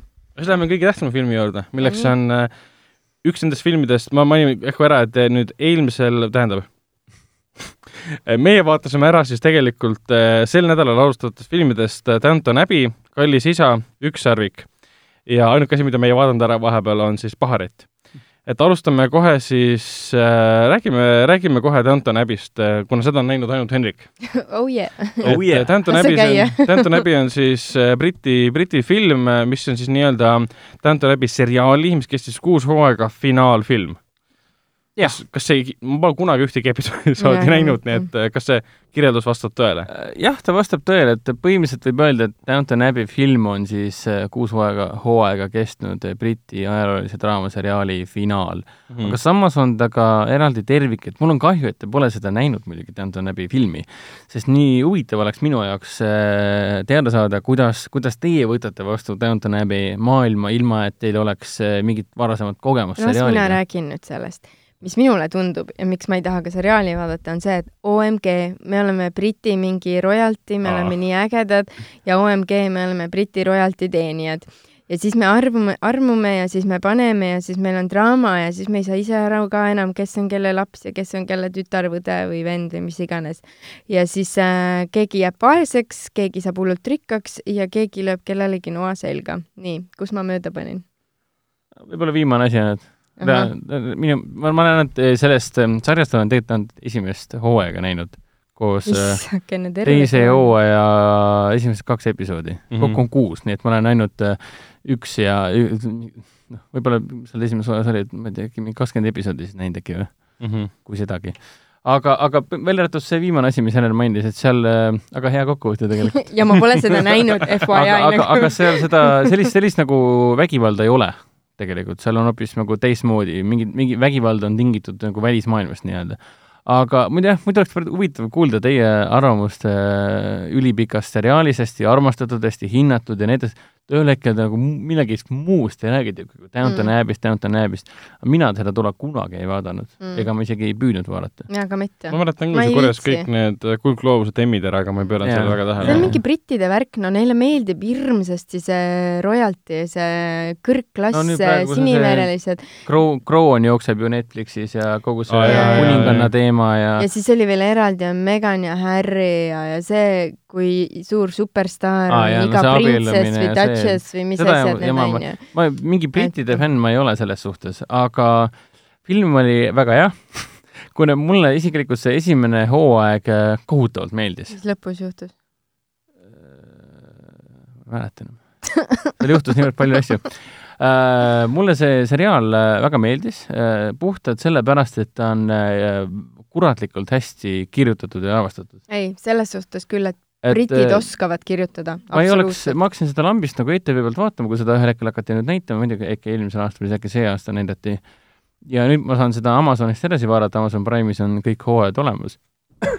aga ma olin ise ka siiralt üllatunud, et mulle see sari meeldib. ma ei oleks nagu arvanud, et mul on tohutult palju tegelasi, kõigil on omavahel suhted ja siis on mingid hullud teemad kogu aeg, kes on pärijad ja kes ei ole pärijad ja ja siis, kui pärijat ei ole, siis on hull teema ja mm -hmm. siis peame Mhm. leidma endale pärija mm, -hmm. kuule Mhm. hakka sünnitama ja niisugused asjad on kogu aeg sees. aga mm, kõige hullem on see, et eh, ta, nagu enne vend mainis seda üheksakümnendate feelingut mm. Hollywoodis, et noh mm Mhm. -hmm. Fenomen ja äh, Powder ja ja ka siin selles Downton Abbey's on see feeling samamoodi sees. kuidagi mingi helgus on sees et tegelikult otseselt ei, ei, ei ole niisugust, sellist mingit vastikut äh, realistlikku mingisugust äh, niisugune vaenulikkust, vaid äh, Mm. kõik elavad justkui oma elu ja, ja mingil tasandil absurdselt äh, hullult palju pingutavad selle nimel, et oma elulaadi hoida. Mm. ja siin on selles sarjas äh, on see teema kogu algusest saadik äh, peal olnud, sees olnud, et äh, kuidas hoida muutuvas maailmas äh, oma elulaadi. kas keegi jäi nii vaeseks ka, et nad visati tänavale või? Äh, seal äh, nendel Downton Abbey äh, tegelastel on, on, see on see Ro- Kroolide perekond, see tegelikult. Nendel on palju tuttavaid, kellel ongi juhtunud niimoodi, et nad müüvad oma mõisad maha ja nii edasi, et noh, maailm muutub kogu aeg. sest esimene hooaeg algab ju sellest hetkest, kui nende ainuke pärija saab surma oi, ja tuleb uus pärija, keda mängib Dan Stevens. Kes vahepeal kirjutati mingi autoõnnetuse kaudu välja, sellepärast et ähm, ma kuulsin sellest alles vist äh, paar päeva tagasi, sest äh, noh, kui sa vaatad, lähed vaatama, esimest osa, esimest hooaega näinud ja lähed vaatama siis seda uut filmi, siis tegelikult see on see, et mingi spoilerid kus, kus osad tegelased üldse kaduvad ma ei ole välja uurinud otseselt, aga seda autoõnnetuse asja ma kuulsin jah. ja see on nagu selle ühe, ühe šarmantse Iiri, Iiri Vabariigi äh, pooldaja äh, tegelase, meestegelase äh, kadunud äh, naine on kuskile, et nagu mis, mis toimub, kuulsin, et tema suri ka vist ära, et noh, mm. et noh, kui sa pole näinud, elanud viite hooaega, siis on loogiline, et hästi palju tegelasi on surnud. aga samas, kas see film ongi siis nagu fännifilm, mida vaatavad ainult Oo, oo, fännid? enne kui ma ära unustan äh,, tähendab, esimene hooaeg algabki sellest hetkest, et pärija sureb äh, Titanicul oi Mm. et kogu seriaali kõige ägedam osa on see, et me justkui oleme ainult Downton Abbey's, aga samal ajal toimub ju äh, Titanic läheb põhja, tuleb esimene maailmasõda ja kõik niisugused asjad. et järjest tulevad äh, kõik, kõik see, mis välismaailmas toimub, mõjutab neid nii-öelda, rahalised mm -hmm. raskused ja nii edasi. ehk siis kaua me saame siin mingid hullud äh, eliit olla, kui meil igal pool jääb kõik vaesemaks ja kõik pannakse kinni põhimõtteliselt nii vaikselt juba. et kogu aeg käib see jõupingutus ellu jääda, mis sa küsisid? filmi kohta? ja ma küsisin seda, et äh, kas see on siis ainult nagu fännifilm neile, kes on vaadanud kõik kuus hooaega ära, või seda saavad vaatada ka inimesed, kes hindavad võib-olla Briti kinokunsti? või nad on täiesti nagu kadunud, nad lähevad, mina lähen näiteks vaatama, siis mitte midagi no, kuna toimub. ma olen mõjutatud ja mul on kahju, et ta pole näinud, muidu saaksime sel teemal rääkida. aga ma arvan, et ei ole. kuna ta on, äh, selle Downton Abbey suurim pluss on see, mi-, mi-, mis mi- mind ka selles esimeses hooajas täiesti ära võlus, on see, et kuivõrd sujuvalt äh, hästi loomulikult ja lihtsalt sulle tehakse tegelased nagu täiesti sirge joonega, lihtsalt tehakse sulle selgeks. Et kogu aeg käib räme liikumine seal, sest kogu sarja põhimõte seisneb selles, et kes on üleval ja kes on all. ehk siis eliit, kes elab üleval, kellele tehakse kõik ette-taha ära, pluss Mhm. alumised teenindajad, et mõlemal tasandil käib kogu aeg räme sotsialiseerumine, räme elu, rämed intriigid ja kõik asjad, niisugused asjad. ja hästi palju tegelasi on, aga kõik tegelased, seal on mingid, minu meelest esimeses see põhituumik koosneb mingist neljakümnest tegelasest siis no. all on kõige rohkem tegelasi, üleval on Kroolide perekonnad. Kroolil on see teema, et tal pole ühtegi poega, kõik on tütred äh,, kolm tütart. ja vanasti oli see hirmus needus, eks ole. Mis on- ajastu see üldse on, mingi tuhat kahe, ei. millal see Tit- Titanic põhja läks, et Eh, mingi neliteist või? või? mis see maailmasõda oli, kaheksateist, Kahe- seitseteist, kaheksateist midagi, et okei okay,, siis mingi tuhat üheksasada Titanic, tuhat üheksasada pluss., Titanic läks vist tuhat üheksasada kaksteist äkki või, või neliteist või midagi põhja kuusteist, ma panen panuse kuusteist peale. Ragnar? Ragnar uurib ajalugu, ajalootund. tere Google, sest aju on kaksteist, kaksteist läks põhja või? teadsid paremini. jah, kaksteist läks põhja. et see ongi hämmastav see, et äh, esimese hooaja lõpuks juba tegelikult pärast esimest paari episoodi sul on kõik need isegi kõige väiksemad tegelased, kes saavad kõige vähem ekraaniaega mm, -hmm. sa mäletad ta nime, sa Mhm. mäletad ta nägu ja su, sa, sulle meeldib tema iseloom, sest isegi kui sul on vastik tegelasi, on hästi palju niisuguseid mm -hmm. kahepalgelisi vastikuid tegelasi, kes kogu aeg muud ei tee, kui lihtsalt õõnestavad teiste plaane ja keeravad asju kogu aeg tuksi. aga sa samas nagu mõistad neid, neile antakse aega, natukenegi antakse aega ja kohe nagu no, loeks nagu väga head raamatut. see seriaal tegelikult ei räägi sellest, kuidas pärijad üritavad seal mahkerdada ja sekerdada ja sakerdada, et saada endale ei, maad ei. ja, ja pärandit. see on põhimõtteliselt on... Briti, Briti eliidi elu eluolu ühes suures mõisas ja kuidas nad püüavad oma igapäevaeluga toime tulla ja samal ajal, kuidas välismaailm mõjutab neid. ja nende igapäevased suhted, igapäevased vajadused, kõik see, mis tollal oli, et sa pead abielluma sellepärast sul on vaja last saada, sa pead abielluma just nimelt temaga mm. -hmm. armastusel ei ole kohta. vot see oligi see, et nad seal oma sugulastega abielluvad ja, pidevalt, vot see on see, mis mind häirib. Dan Stevensi tegelane seal esimeses hooajas äh, ongi äh, noh, veresugulane põhimõtteliselt, aga noh, kaugemal nii-öelda, mitte päris incest ei ole. tavaliselt on see cousin ehk siis sinu äh, sinu ema, õe, poeg ja, või ja. ema, venna, tütar, ehk siis tegelikult väga-väga lähedased äh, suhted. Siis hoitakse sees nii-öelda. üks maailma populaarsemaid seriaale puudutab ka intsesti. ei ole niimoodi, see on ajalugu. Okay. ei, selles suhtes jaa, see on ajalugu, nii tehtigi. aga minu meelest see on, sari on ääretult nagu pro-, progressiivne selles mõttes, et sul on ju Crawley, Robert Crawley on see peaboss seal, põhiisa nii-öelda, tal on hästi meeldiv ameeriklasest naine mm. ja tal on äh, kolm last või, kolm tütart või, et Mary, siis oli see. issand, sul on nimed ka peas. muidugi on meeles. et neil on kolm tütart ja, ja nad kõik saavad omavahel tegelikult väga hästi läbi ja, ja ei ole ühtegi, minu meelest esimeses osas polnud kordagi seda teemat, et ah, miks mul poegi pole hoopis mm. vastupidi, minu arust, et miks ma sellesse sarja ära armusin, on see, et see on, ta on lihtsalt niivõrd armastusväärne. kõik tegelased muudetakse sulle väga äh,, sa tahad neile kaasa elada. et kui te mhm. peaksite sarja Amazonis Prime, Amazon Prime'ist vaatama, siis ma võin kihla vedada, et te olete kohe nagu pardal selles suhtes. ta on lihtsalt nii hästi kirjutatud. jaa, Amazon Prime videos on kõik esimesed kuus aega olemas. et kui, kui see on nagu stsenaristika meistriklass ka, pluss ta on lavastuslikus suhtes nagu täiesti hullumeelne, missugused võtteplatsid, kostüümid mm,, selline sagimine mm.. mõtled, et see, see asi, mis, mismoodi tehakse tööd äh, nii-öelda kroolide nii-öelda jalge all äh, köögis ja igal pool mujal ja käiakse üleval all kogu aeg ja valmistatakse maja ette nii-öelda, sul hommikul sa ärkad üles ja sul on juba pissipott on kohale toodud ja sul tehakse kardinaid lahti ja nii edasi, kõik on siin ette-taha ära tehtud. millised võimusuhted need omavahel on ja nii edasi.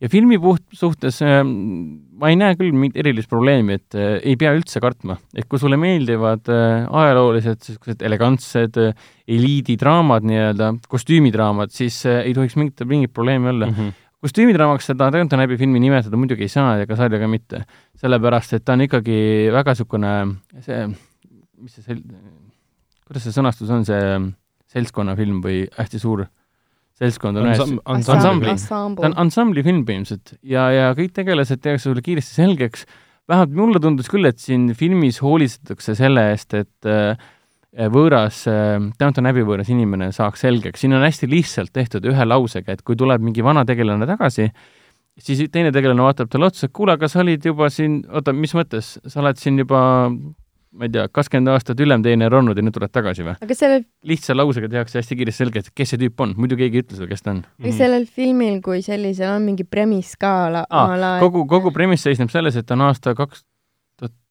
kakskümmend seitse või? tuhat üheksasada kakskümmend seitse vist äkki oli või kakskümmend neli, ma ei mäleta enam mm. -hmm. noh, et pole. no kui Esimene maailmasõda lõppes kaheksateist äh, ja esimene hooaeg algab selle ma... Titanicuga ja vahepeal tulevad surnust tagasi, või noh, surevad ära need jär-, jah, siis kakskümmend seitse on okei okay. ma, ma ei mäleta täpselt, minu meelest oli kakskümmend seitse. poolteist aastat pidi vahend olema, kuuenda hooaja lõpu ja siis filmi algusega. jah, vist oli kakskümmend seitse kogu mõte seisneb selles, et nad elavad rahulikult oma elu, et vaikselt on muidugi see juhtunud, et eh, paljud on oma äh, mõisad juba ammu maha müünud, tegelikult lihtsalt tükkideks ära jäänud, müünud, müünud koolidele ja nii edasi, et pole mõtet seda suurt majandust hoida enam kogu aeg. oota, kas kakskümmend seitse on juba see aasta, kui nagu ähm, Heartbeat läheb sinna aega või? Heartbeat vist oli pärast teist maailmasõda. aa ah,, okay.. Heartbeat noh, mis lõpus siis sa segasid vahel, aa, kogu point seisneb selles, et elavad rahulikult oma elu, kuniks siis lõpuks saavad teada, et kuningas ja kuninganna tulevad nende juurde peatuma hmm. mis sellises, sellises eliidi toonane kuninganna oli seesama Elizabeth, kes, praegu, praegu? ei olnud. kuule, see on, aasta oli kakskümmend seitse. ta Jaa, on aga- ta on nii vana. ta oli kaheksateist, kui ta sai troonile ja ta on mingi üheksakümmend, jaa, ei olnud, Ei olnud, oli ei küll olnud., minge kanni, oli küll. üheksasada kakskümmend seitse. jaa, mis ta nimi Elizabeth polnud siis sündinudki. ei, ma tegin nalja Come lihtsalt. on, olge nüüd, ega ta mingi zombi ei ole või elab ei, ma tegin surnud. nalja, ta ta on on. üheksakümmend kolm.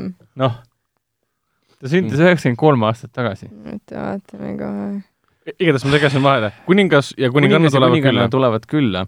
Ainult üheks õhtuks miks just neile külla? Nad, neil on äh, tuur äh, sealkandis, seal, seal piirkonnas, Inglismaa Aa. piirkonnas põhimõtteliselt tehakse tuur, suured, no põhimõtteliselt tervitatakse rahvast ja suured paraadid ja äh, need see koht valiti, kus nagu siis suured peod, see on ööbimiskoht nii-öelda just nimelt Downton, Downton Abbey's. okei. ja nende jaoks see tähendab muidugi seda, et see vajab äh, täielikku ettevalmistust, sest see on nagu, meil tuleb kuningas ja kuninganna ehk siis meie riigi juhid. Ja kuna meie oleme see eliidi nii-öelda esiksümbol, siis me peame ennast näitama parimast küljest ja siis läheb mingi räme sagimine lahti, kõik peavad selle eest hoolitsema, et kõik, kõik klaasid oleks ära pestud, poleeritud vähemalt neliteist korda, kõik mm. -hmm. paistaks korralikult läbi ja hiilgaks päikse käes ja nii edasi Mhm. hästi-hästi palju tööd on vaja teha.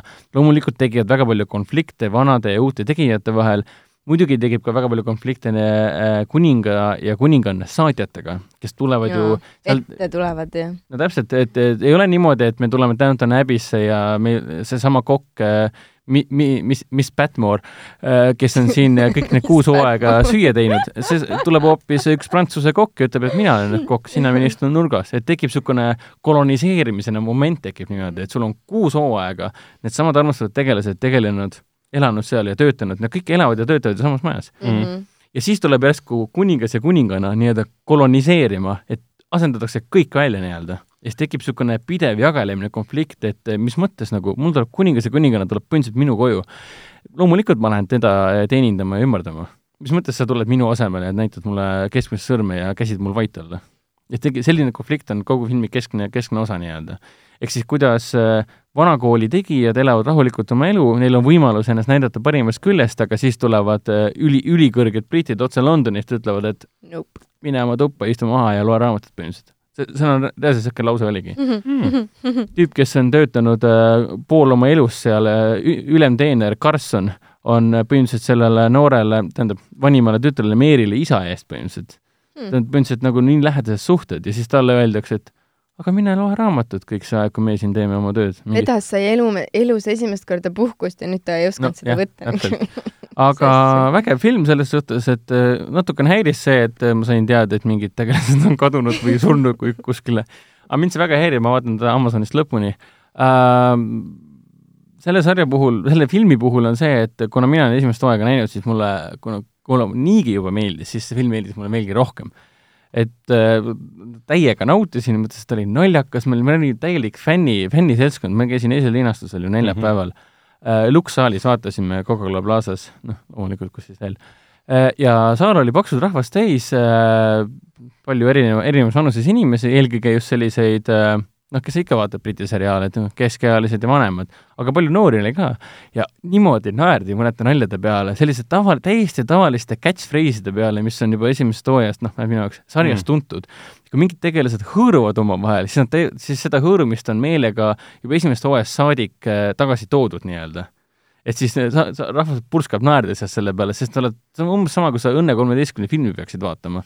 või siis, või siis äh, ikka tahate seda Õnne kolmteist kui tuleb äh, Mi-, Midsommari mõrvadest tuleb film näiteks, mis on niikuinii täispikk film, muud iga episood. aga. kui sa teed kaks ja pool tundi Midsommari mõrvade filmi, siis kogu Eesti rahvas läheb seda selle vaatama. podcast'i pealkiri tuleb ka, et äh, kas on aeg Õnne kolmeteistkümne filmiks. või sest Downton Abbey film tehti ära juba.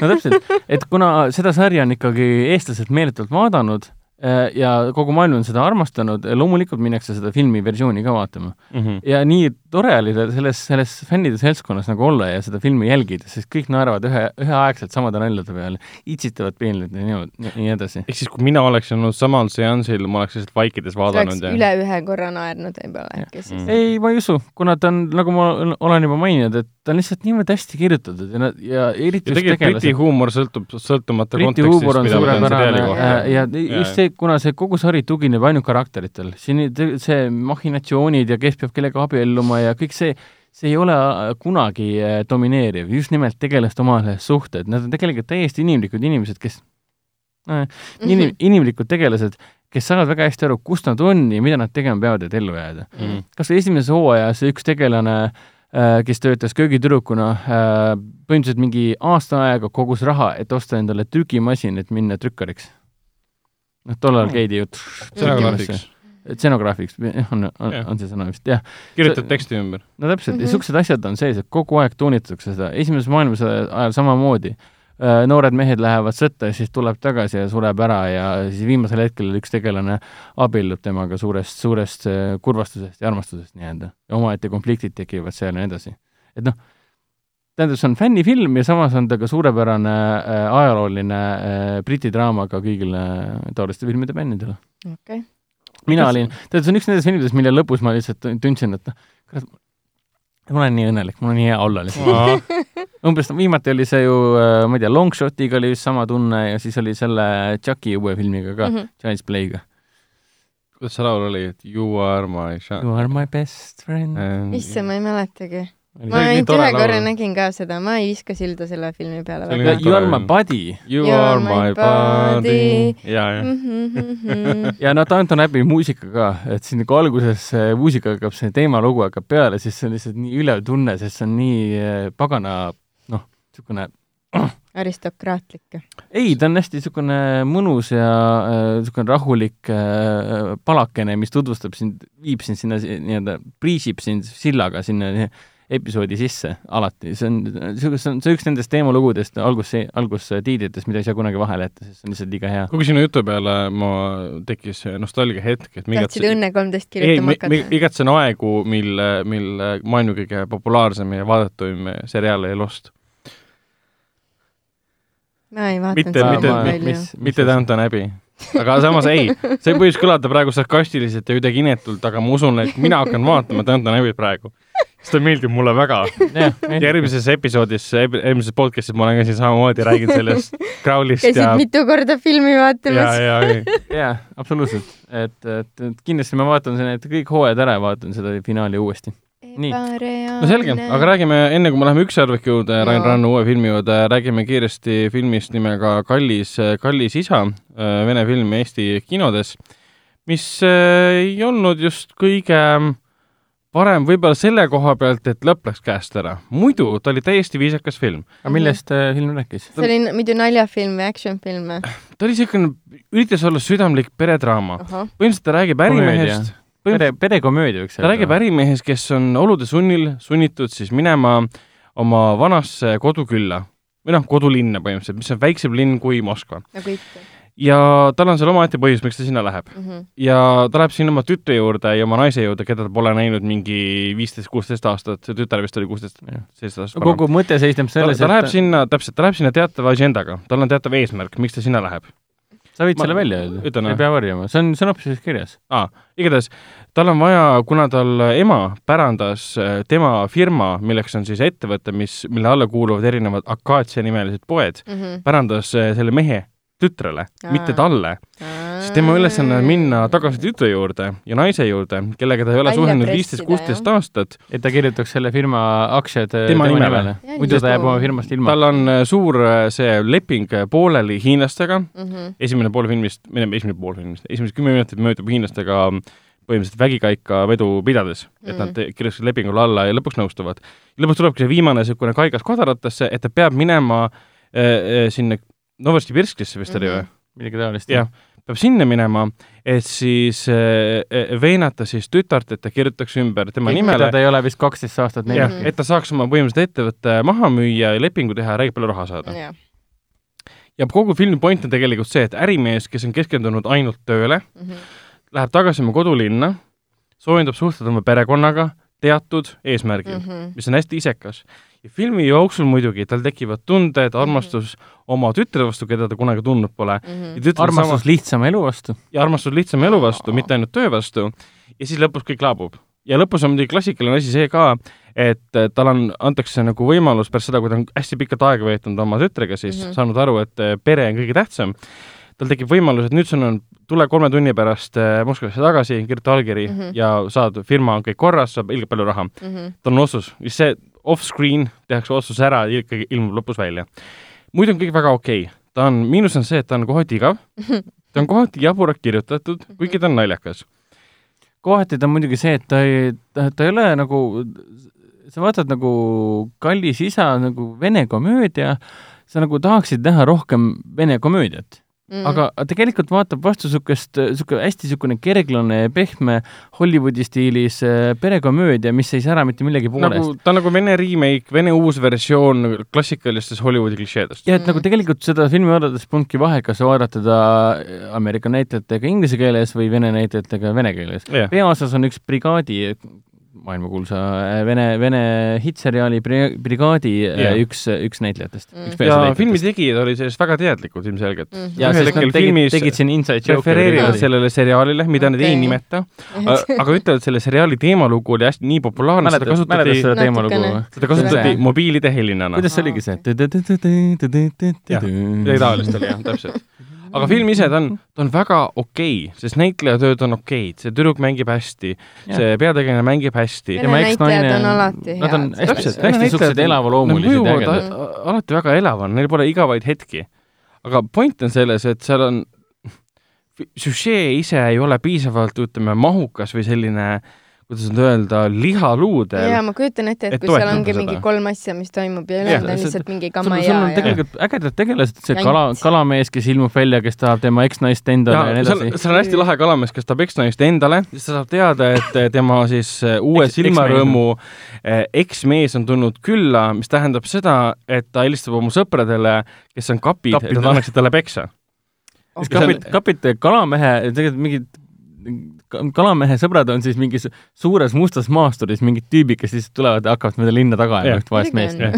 ja kalamees siis eh, nad käivad kalal niimoodi, põhimõtteliselt tegid seal peo, kus nad laulavad karaoket paadis ja samal ajal siis ei, kalal nad ei püüdnud, see oli lihtsalt pidu. Mhm. ja selles mõttes seal on hästi palju lahedaid momente, kas seal on ka siis selle peategelase äh, kolleeg ehk siis naine, keda see peategelane pole kunagi naisena näinud, vaid hoopis mm. -hmm. kolleegina, lõpus saab aru, et ta armastab teda ja seda omavahel erinevad Jaa. machinatsioonid käivad, aga see ongi see, et see nii-öelda plaanide pidamine, mis on teatav eesmärgi nimel, hajust mm. -hmm. haju, hajub täiesti ära, sest inimesed saavad aru, et aa, ma igatsen hoopis midagi muud ja umbes niimoodi.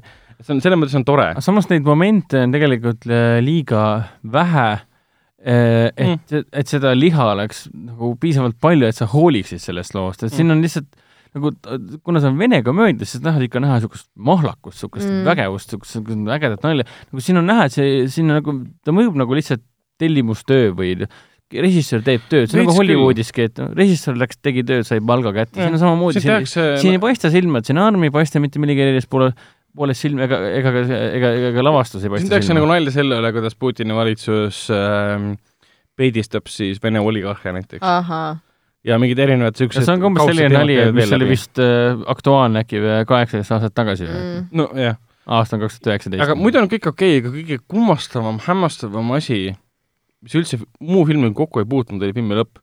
Hmm. see umbes, umbes, umbes samasugune nagu sa vaatad mõnda Disney filmi, kus kõik tegelased saavad lõpus kokku, on nad Mhm. head või halvad või antagonistid või mitte, hakkavad la laulma koos ja tantsima koos. välistavad ja tantsivad siin oli samamoodi ainult twerkimi-, twerkimisega. kõik nagu võdistavad, võdistavad tagumikku see polnud nagu päris tõrkimine ka. ei olnud jah, see lihtsalt Nad pigem tantsimine. rohkem tantsisid ja nimetasid seda tõrkimiseks. ja see oli nii Twerkimine. absurdne, et see juhtus praegu, ah, see tema tütar ühel hetkel lõpus siis nuttis ja tantsis ilma muusikata, see on mingi, mida ma vaatan praegu, mis juhtus sellel nagu? režissööril lihtsalt viskas kopa ette ja ütles, et pange purki ma ei vaata isegi seda enam nagu nagu. täiesti- on nagu, ma sain aru, miks nad seda tantsuvärki siin tahtsid teha, aga tegelikult sellel ei olnud mingit sidusust, et see mm., et sulle üldse meelde tuleks, miks ta üldse teeb seda. ja, ja siin seda oli siin ette filmis on mängitud. konflikt siin õppele, õppejuhatajaga, selle kuueteistaastase tüdrukul, aga see unustatakse ära ja siis me peaksime justkui lõpus meelde tuletama iseendale, Mm. et äh, aa, oota, miks ta nüüd mingi põhimõtte pärast tahab värkida, oota, miks ta seda teha tahab? Twerking puudus asjasse jah, sellepärast et seal oli kaks neiut, kes siis olid video teinud kooli äh, territooriumil, kus nad twerkisid, ehk siis võidistavad tagumikku ja see õpetaja oli seda näinud, õpetaja tahtis nad välja visata, siis meie peategelase tütar siis kaitses neid ja siis nad ähvardati kõik välja visata, lõpus ta üritas siis tõestada, et ei, sa võid ju tantsida, selles mõttes see pole ju keelatud see, et sina oled selline priude õpetaja, ei tähenda mm -hmm. seda, Mhm. et äh, me ei tohi ennast väljendada. kuigi ma ei leia, et workimine oleks eneseväljendus, aga noh, see on minu asi. kes seda teab. igatahes selles mõttes tore film, mis on veits liiga kammitsetud ja veits liiga kopeeriv. jah, niisugune ko-, kohitsetud värk nii-öelda Jah.. pigem tüütu kui tore.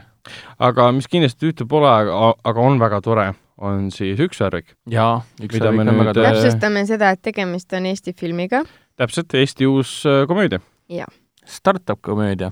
mille reisijal on siis äh, Rain Rannu, kes lavastas ka, lavastas ka sellise filmi nagu Ameerika suvi.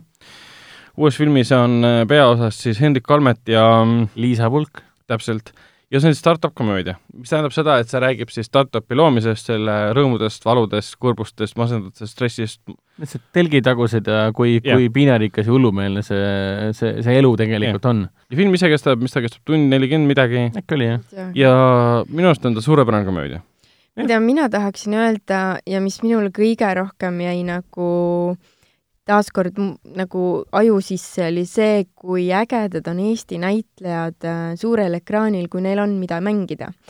Et äh, minu jaoks oli, ma arvan mõtled kolmetite pulka ja nende Jah,, nende dünaamika. minu jaoks oli. Liisa Pulk Jah. oli väga suur üllatus, sest äh, mina olen vaadanud niisugust sarja nagu mm, ENSV ETV jah, pealt, minu arust ta mängis seal ka mingil hetkel ja ma ei mäleta kordagi, et mul oleks tunne olnud, et seal oleks nagu mingit väga suurt rolli olnud mängida või miskit Mm. või et noh, nagu absoluutselt eriti erilist muljet ei jäänud. aga selle filmi puhul suht kohe algusest peale oli niisugune tunne, et to-to-to-toh, mis näod need on, mis liigutused need on, mis emotsioonid need on, et seda oli nii äge vaadata, tõesti, ma nagu tundsin igat hetke kaasa, mis oli nagu nii amazing. no ilmselgelt on siin ka tegemist lavastajaga, kes on nagu need näitlejad suutnud Mm. mängima panna, aga lihtsalt see, et kuidas sa näed, et suure ekraani peal, kui hästi see töötab ja see on, noh, see ei ole nagu selles suhtes esimene kord, kus, kus ma, mina isiklikult olen avastanud, et Eesti näitlejad on suurepärased filminäitlejad, mitte ainult äh, teatrinäitlejad Mm. noh, meil lihtsalt ei ole nii palju võimalusi näitlejatel filmides äh, üles astuda. ja noh, selles suhtes see oli nagu niisugune positiivne, ma ei saa öelda üllatus, aga elamus, see oli, see oli tõsine elamus mu jaoks. Et äh, Hendrik Kalmet mulle ka väga meeldis, aga tal oli lihtsalt teistsugune roll, et ta oli nagu pigem karakterina selline mm, lineaarne võib-olla äkki või, et ta oli nagu see ühe, ühesugune kind of douche, kes äh, niisugune heasüdamlik jah ütleme niimoodi, et hea aga südamlik eks, eks ta oli see Liisa Pulga jaoks see mootor nii-öelda. jaa, seda küll äh,. kogu aeg, kogu aeg tulistas edasi, et Mhm. asjad, asjad liiguksid edasi kogu aeg Mm. et, et tema viskas neid kaikaid mm -hmm. ja siis Liisa Pulk korjas selle kaika üles ja vaatas, et, tegi nägusid, läks edasi ta vaatas seda kaigast, et mingi ei, lähme edasi. hmm. um. mis ma veel mõtlen uh, näitlejatest, no Johan Urb, kes on põhimõtteliselt Johan Urb- ta oli äge suurepärane roll. jumala äge tegelane. Tom äh, Markusson või midagi? jah, Tom Markusson, ehk siis Minu arust- mingi investor kuskilt kaugelt Ameerika see on üks kõige tema paremaid äh, rolle, ja nagu ma aru sain, siis ta mängis geimeest, eks? jah. kuigi see oli tema paremaid rolle nagu võrreldes tema siis nagu Hollywoodi karjääriga või siis mm, Mhm. -hmm. või seriaali karjääriga või üldse. ta oli ju tuliliiles ka. jaa, aga see, see oli teine teema täiesti. ja, ja, ja, aga siin ta nagu tundus, et see Rain Rannu lasi näitlejatel ennast äh, maksimaalselt väljendada. mm,. kohati tundus, et ta, tal lasti, need näitlejad lasti teha, mida nad tahavad teha. Mm. ja et võimalikult väljendusrikkad paistaksid nagu jaa, ekraanil no välja. Ranno oli ju stsenarist ka ja üks produtsentidest Mm. koos äh, Tõnu Hiielaiuga Jah.. Oli Tõnu? jah, Tõnu. Tõnu. Äh, ja, ja seda oli näha ka, et nagu et näitlejatega on väga palju tööd tehtud ja eriti just äh, tegelastega, kellega näitlejad, keda Mm. mm. näitlejad mängivad. et nagu väga hästi oli kõik läbi mõeldud, et tundus, et kõik näitlejad tundsid ennast nendes tegelastes nagu nagu, nagu, nagu täiesti vabalt, et, et ja tunnevad ne- need tegelased väga hästi, neil on kõik selgeks tehtud ja nüüd lase käia ja tunne mm Mhm. -hmm. ennast mõnusalt, et tulistame Mhm. mm -hmm. komöödiat põhimõtteliselt. ja tõesti, nii, palun. või et noh, et nagu see startup maailm oleks lihtne maailm, vaata. et, et siin ei olnud nagu üle dramatiseeritud seda, et äh, seda oleks saanud käsitleda ka väga julmalt, nii nagu social network on Jah, ju, et jah. äh, väga dramaatiline ja ma ei tea, kusjuures, mingi kusjuures enne kui ma ära unustan, et minu jaoks see ükssarvik ongi nagu äh, Eesti veri-, versioon äh, social network'ist. selles mõttes, et ta on, ta on lihtsalt, ta on lihtsalt äh, mitte nii dramaatiline, mitte Mhm. nii sünge ja mitte Mhm. nii pagana dialoogi tulistav, nagu Fincher Mhm. ikka teeb, aga ükssarvik on rohkem niisugune Eesti huumoriga, et Mhm. paneme sulle moosid, moosid kotti, enne kui sa Elroniga Jah. Tallinnasse sõidad ja hakkad startup'i tegema, et noh, samas siin oli hästi palju niisuguseid toredaid ülemängitud kohti ka, et seal tuli see, see super, super siis nii-öelda investor ilmus kohale. ingelinvestor. ingelinvestor sõna otseses mõttes ilmus kohale lennukist, ei, see oli helikopter. helikopterit, kus ta hüppas välja siis Langevarjuga. langevarjuga, kuulas kaks sekundit ja läks edasi, et kuskile Inglismaale või Norra sõita, ja, ja, et tütrele mingit kingitust ta oli osta mingi. üliaktiivne, sest iga kord, kui ta uuesti kaadrisse astus, olgu see siis mingi teatava ajavahemiku pärast või siis sa samal ajavahemikust, alati oli tal mingi uus riietus seljas, sest ta Mm. läheb midagi tegema või tuli midagi tegema Mm. et nagu Jaa. see, et me rääkisid seal juttu oma uue, uue startup'i eh, ideest ja siis temal oli juba mingi akvalõngi kostüüm seljas mingi ma lähen ujuma. ei, ta mitte ujuma, ta peab mingi vaalu püüdma või midagi laadset. ei, oli või? midagi, ma ei tea, midagi laadset, jah. ei, seal oli ikka siuke selles mõttes, et kui, kui startup, kui selline startup ettevõtete maailm tundub võõras, siis ükssarvik te- teeb selle sulle täiesti selgeks, et see, see ei Mm. ole mitte kuidagi, mitte kuidagi võõrastav. ei, siin on kindlasti see, et et ettevõtlike inimeste komöödia, kes Mhm. püüavad olla edukad, aga No. alguses fail ivad ja pärast löövad läbi. nojah, kuna filmi alguses tehakse selgeks, et äh, seal käib nagu lause läbi, selline selgitus läbi, millest nagu film otseselt on, siis öeldakse ka, et põhimõtteliselt kõik Eesti inimesed tegelevad startup'iga. ehk siis, kui, kui sa oled kunagi üritanud ettevõtet luua või ideed maha müüa või umbes niimoodi, siis võib-olla selles filmis on mingid tasemed, mis töötab sinu jaoks paremini Mm. mm. kui meie jaoks, kes pole startup'iga tegelenud. ehk siis, mis ma tahan öelda, on see, et sa ei pea sellest maailmast midagi teadma, et see film sulle naljakas oleks. et ta Jah. oleks tore, tempokas ja mõnus. see on nagu kohati ka situatsioonikomöödia äkki või? Et äh, Tõesti. siukene veits, veits action'it, aga, aga mitte selles suhtes, et püssidega. peaks suure südamega kirjutatud ja tehtud, et tundub näha ja tunda, et see on mõnuga tehtud ja tahetakse naerda mm. -hmm. filmitegijad on reegelt naernud ja tänu sellele naeravad ka, naerab ka publik ses mm. -hmm. suhtes ja elavad täiega kaasa. minu meelest Kalmet ja Liisa Pulk, no täielik dü- dünaamiline duo Mm. mm., nad töötasid nii hästi kahekesti koos Jah.. Poleks arvanud ausalt öeldes või, või treilerist nagu ei jää sellist muljet, et äh, mis toimus nagu onju. See on veider, sest pärast äh, esineastust ma rääkisin Rannuga äh, seoses näitlejatega no., et kas nad tegid väga palju, ütleme, proove ja mm. -hmm. tekste lugesid läbi mm. -hmm. ta ütles, et ei. No näed, vaata kui professionaalsed on Eesti näitlejad lihtsalt no aga ta ütles, et point oligi selles, et nad leidsid näitlejaid, kes lihtsalt töötasid suurepäraselt omavahel Mm, ja piisas okei. täiesti seda sellest, peabki et, tegema. et sa tegid mõned duublid lihtsalt ära ja vaatasid, ah, see on Aa, jumala hea, see on jumala hea, teeme veel ühe, see on jumala hea. et kohe oli keemia olemas mm. mm,. ja seda keemiat ei olnud vaja arendada läbi proovide Mm, ei olnud kedagi vaja sundida. mm. -hmm.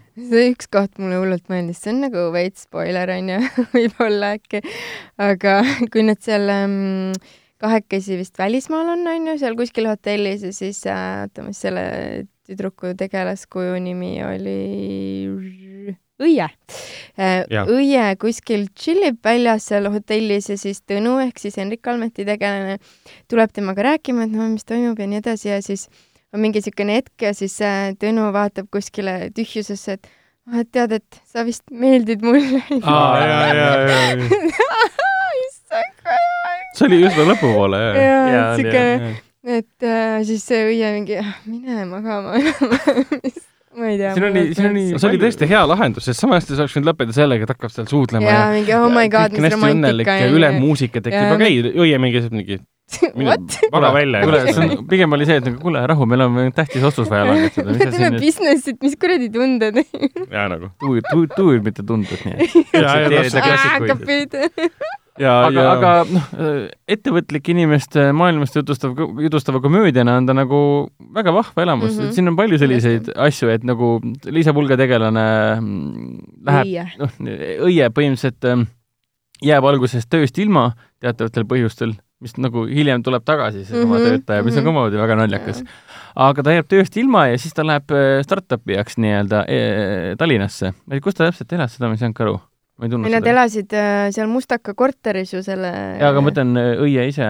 Tema elaski seal kuradi diivani peal kuskil Aga tema see vanem- tema vanemad elasid kuskil linnast väljas El. Elroniga seda sõitis. vist ei olnud see oli jah tore, et ta läks äh, vanemate koju ja, ja, ja siis äh, samal ajal, kui nad ütlesid, et kus sa siis lähed õieke seal Tallinnas ja siis samal ajal ema, ema paneb neid moosipurke ja mahlapurke talle, mis ta on just sisse teinud, talle kotti niimoodi. ja pärast mingi ema tegi talle selgeks, et ei mine sinna putkasse müüjaks põhimõtteliselt, et seal see Mari müüb, et sul on vaja, tal on vaja. midagi, mis sa ikka siin pingutad. aastaaruanne on vaja ära teha, et kuule, mine talle appi sinna müüma, et mis sa nüüd ja, ajad. ja, ja siuksed toredad tagasikutsed Eesti nagu o- mitte Eestile võib-olla, aga siuksed i- inimlikud momendid olid selles filmis. mm.. kasvõi see, et äh, Tõnu ütleb, et tule minu mingi kondosse, mis on Mustamäel ja mis on lihtsalt korter kus Tõnu elab oma vanaemaga ja. see vanaema oli nii tore, lihtsalt ilmus välja, vaatas. neiu, naine on siin, peenikese häälega, et lõpuks on siin neiu minu Tõnu korteris. tuleb, kallistab seda õiet, et issand, tere tulemast perekond ja see oligi, Tõnu pole enam üksinda. see oli nii usutav ja see on nagu hämmastav, kuidas vanad inimesed suudavad olla sada korda paremad näitlejad. ma ei ole kindel, kes, kes, kes see näitleja on, aga aga, aga pärast äh, esilinastust, me käisime kõik esilinastusel, pärast esilinastust äh, ma nägin teda ja ma sain temaga kokku ja ma tegelikult lihtsalt läksin juurde ja ja kiitsin tema rolli ja olin hästi-hästi, ma tundsin ennast nagu mingi väike, väike, väike laps, kes kohtub oma mingi suure iidoliga, siis ta täna see oli hästi, hästi, hästi, ta oli täpselt sama sama tore oli ta nagu ka filmiski, et mm, Mhm. -hmm. et, et ta oli üks selle filmi minu meelest üks säravamaid hetki, ma kinosaal nagu nagu ahhetas ja ohhetas selle momendi poole, kui see Tõnu Vanemaa välja tuli mm, Mhm. -hmm. et väga, väga lahe tegelane, väga lahe näitleja ka. et siin oli veel need, ütleme, võib-olla sära, võib-olla selle filmi osaline sära seisnebki selles, et iga suvaline kõrvalroll muudeti meeldejäävaks mm.. Oli see siis mingi ingelinvestor, oli see siis mingi võlts, võlts läbirääkija, need- nende sõber, kes sõitis seal selle kiire autoga ringi põhimõtteliselt kogu Aa, aeg see- ja tuli aa. välja, et ajas mingi lolli juttu mm. Ja maailma parim müügimees. täpselt, kes tegelikult seda ei olnud Mm. mm.. kes iganes need olid, need kõrvaltegelased jäid meelde Mm. ja tihtipeale sinna oli pandud tuntud Eesti näitlejad ka osadesse mm. -hmm. kuigi need kadusid kiiresti ära, noh, on see no, Noh, no, no, no. Rain Tolk, noh. Kristo Viiding mängis ja seda Kristo, sõpra, maailma parimat Kristo Viiding ja siis Ra- Rain Tolk oli pandud lihtsalt mingi kahe, kahte stseeni põhimõtteliselt, kus ta ühel hetkel roostlast mängima vist jah, mängis roostlast ka veel, ütles, et ära rohkem äh, Tõnule, et ära rohkem ettevõtet tee ja teine stseen vist oli see või kaader, kus ta ütles, et ma investeerin kolmsada tuhat näiteks, on kõik. aga nüüd üks äh, küsimus ka äh, tähelepanelikule vaatajale, härrad nii. kes, mis või kus on unicorn ehk ükssarvik?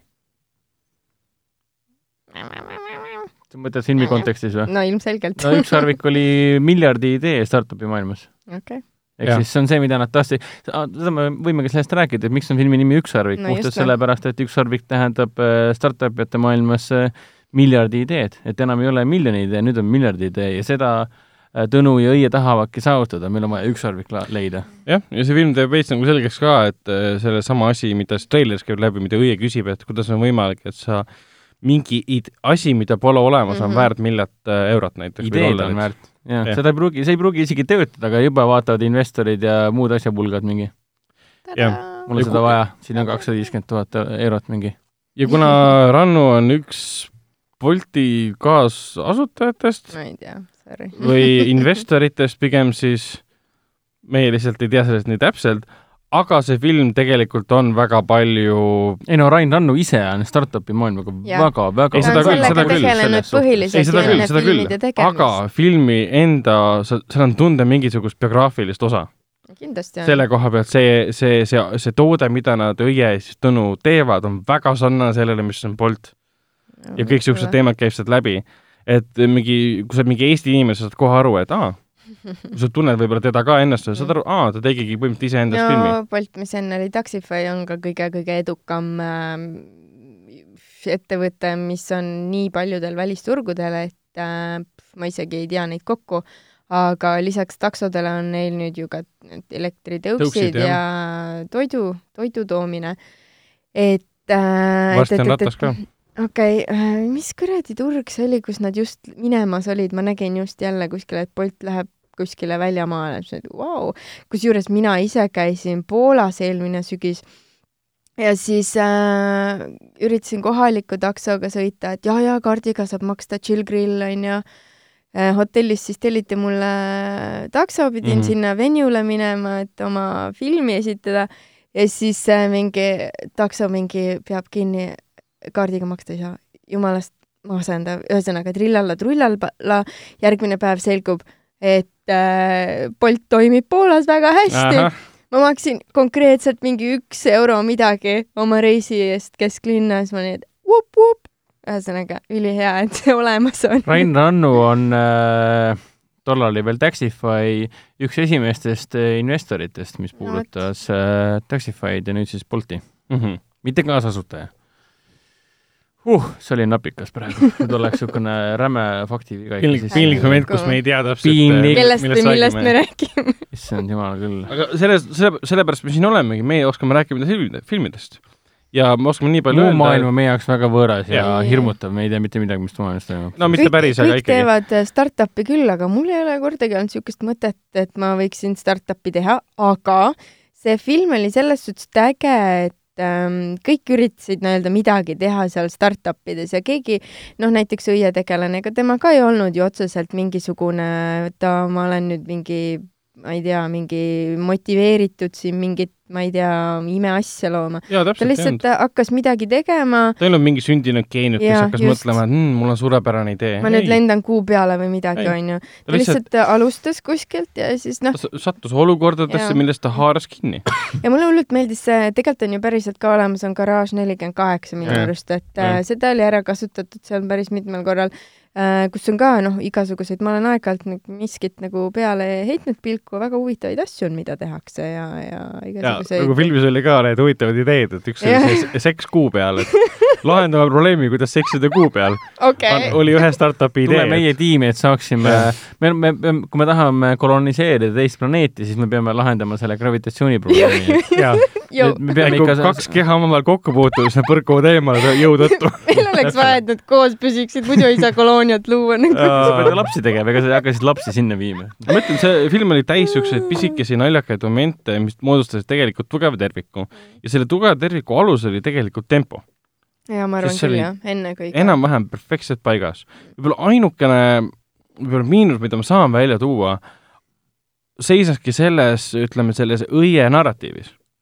Et see, kui ta hakkas äh, teksti peale lugema sinna, jaa, see jaa. saabus kuidagi liiga hilja esiteks mm. ja Mm. kuidagi sobimatult. ja siis, kuidas lõpus sõlmiti kokku see, et õiearvuti taga ja lõpus õiearvuti taga, kus ta rääkis oma ettevõttest, see oli, see oli ka kuidagi juhuslik, see ei olnud enam see ei olnud ette mängitud oli piisavalt hästi. täpselt, ta ei olnud piisavalt ette mängitud.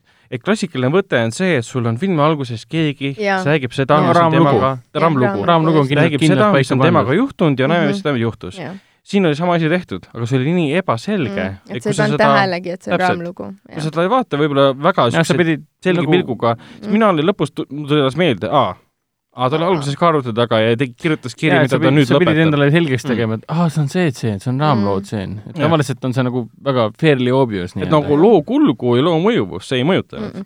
Et äh, ma arvan, et äh, mingi koht oleks võinud ära lahendada ka selle montaažiga niimoodi mm., et sa paned mingi änksa muusika taustale ja siis äh, on mingisuguseid raskusi, mida ületada ja läbi käia, et ma arvan, et äh, nagu tehniliselt oleks sinna mingi montaaži mo moment sobinud kuskile jube hästi. mul oli nagu niisugune tunne, et ma tundsin sellest puudust. jah, Rannu Ja, okei. ütles esilinastusele ka kogu rahvale põhimõtteliselt, et lõpetasid mõned päevad enne äh, said DCP valmis ja mõned päevad enne esi- esilinastust, et äh, Oh, ilmselt see monteerimine käis ikka viimase, viimase minutini, aga tulemus on selles mõttes hea. No ma mõtlen seda montaaži muusika taustal, jah. teate küll, onju, nagu roki, kuidas roki algab Jah. mingi tu-tu-tu-tu ja siis ta treenib seal ja treenib ja siis Jah. on mingi ei, ma saan, ma saan, mis sa mõtled, jah, see oli jah tõesti filmis puudu, seda see niisugust oleks, see oleks mingi äge muusika, mitte Üks- Arvo Pärt küll taustal, aga ja üks- mitte Nublu ka, aga samas neid montaaži episoode siin oli küll ja küll ja eriti lahe oli see graafika, mida nad kasutasid otse jah, otse kaadri küll. peale, et ilmestada mingeid olukordi mm. mm. Eh, raha ja kõik see. ja mingid tuled ja värgid. Jah, oli ja väga ja lahe. mõni moment oli küll, et kui Tõnu selle parasjagu programmeeris näiteks, mida Õie samal ajal tegi, siis need Mhm. siuksed mm -hmm. paralleelmontaaž oli parasjagu toimus. et jaa, ilus, tore, professionaalne, kena film, mis mõned nurgad oleks võib-olla saanud parem olla, aga ta on komöödia ja mis on komöödia mõte? Mhm.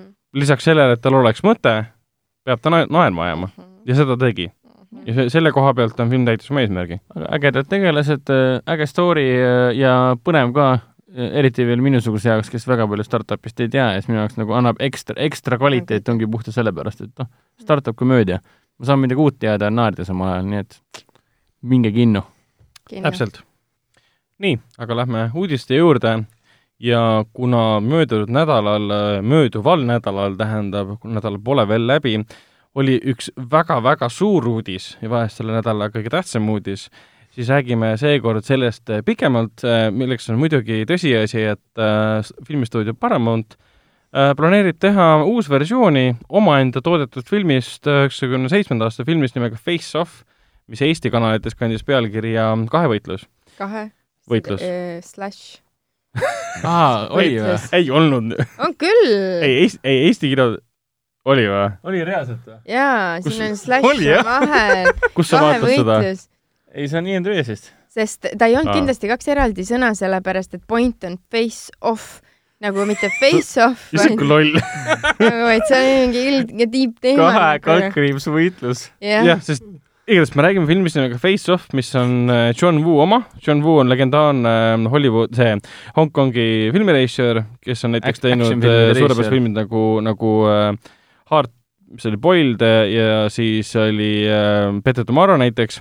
ja ta hakkas Hollywoodi filme tegema üheksakümne kolmandal aastal, mida tegi Jean-Claude Van Dammega Hard Targeti Mm. ja siis ta tegi äh, Kristen Slateriga ja Travoltaga mm, Broken Arrow, mis oli siuke so-so okei okay film, noh, tegelikult väga meelelahutuslik. ja siis tema kolmas Hollywoodi film oli siis äh, Face Off, kus on Ära- siis Nikon, ja pärast tegi ta ka ju Tom Cruise'iga Mission Impossible kahe Jah, ja mis on alahinnatud. Kusjuures ta tegi. Paycheck, Paychecki tegi jah, Ben Affleckiga Paycheck, Paycheck, jah, ulmekas. uh.. ja siis jah, Nicolas Cage'iga sõjafilm Windtalkers.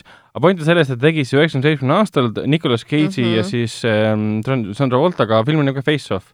See valmis ajal, mil Nicolas Cage ja Travolta olid täiesti oma karjääri kuulsuse ja tipus. maailma kõige suuremad staarid Jah. ever ja. veel üheksakümnendatel, ehk siis mm. -hmm. Travoltal olid just põhimõtteliselt alles ilmunud üheksakümne viiendal aastal vist oli, üheksakümne neljandal olid su- Pulp Fictionid, kõik seesama mm. -hmm. fenomena, millest me just rääkisime, oli täiesti populaarne ja Nicolas Cage samamoodi. ja siis tuli John Woo, et kuulge, teeme filmi, kus ähm, üksteist mängib terroristi, ehk siis äh, Travolta mängis äh, seda mm, politsei uurijat, kes ajab taga ühte äh, kas-, Castor Troy nimelist see Troy, terroristi, keda on hästi pikalt taga ajanud. ja mis oleks siis, kui äh, võtame Travolta tegelaskuju, kellelt võta, võetakse näonahk maha mm. -hmm. ja pannakse sinna asemele Castor Troy ehk siis Nicolas Cage'i näonaha ja ta infiltreerub tema siis kamraadide seltskonda.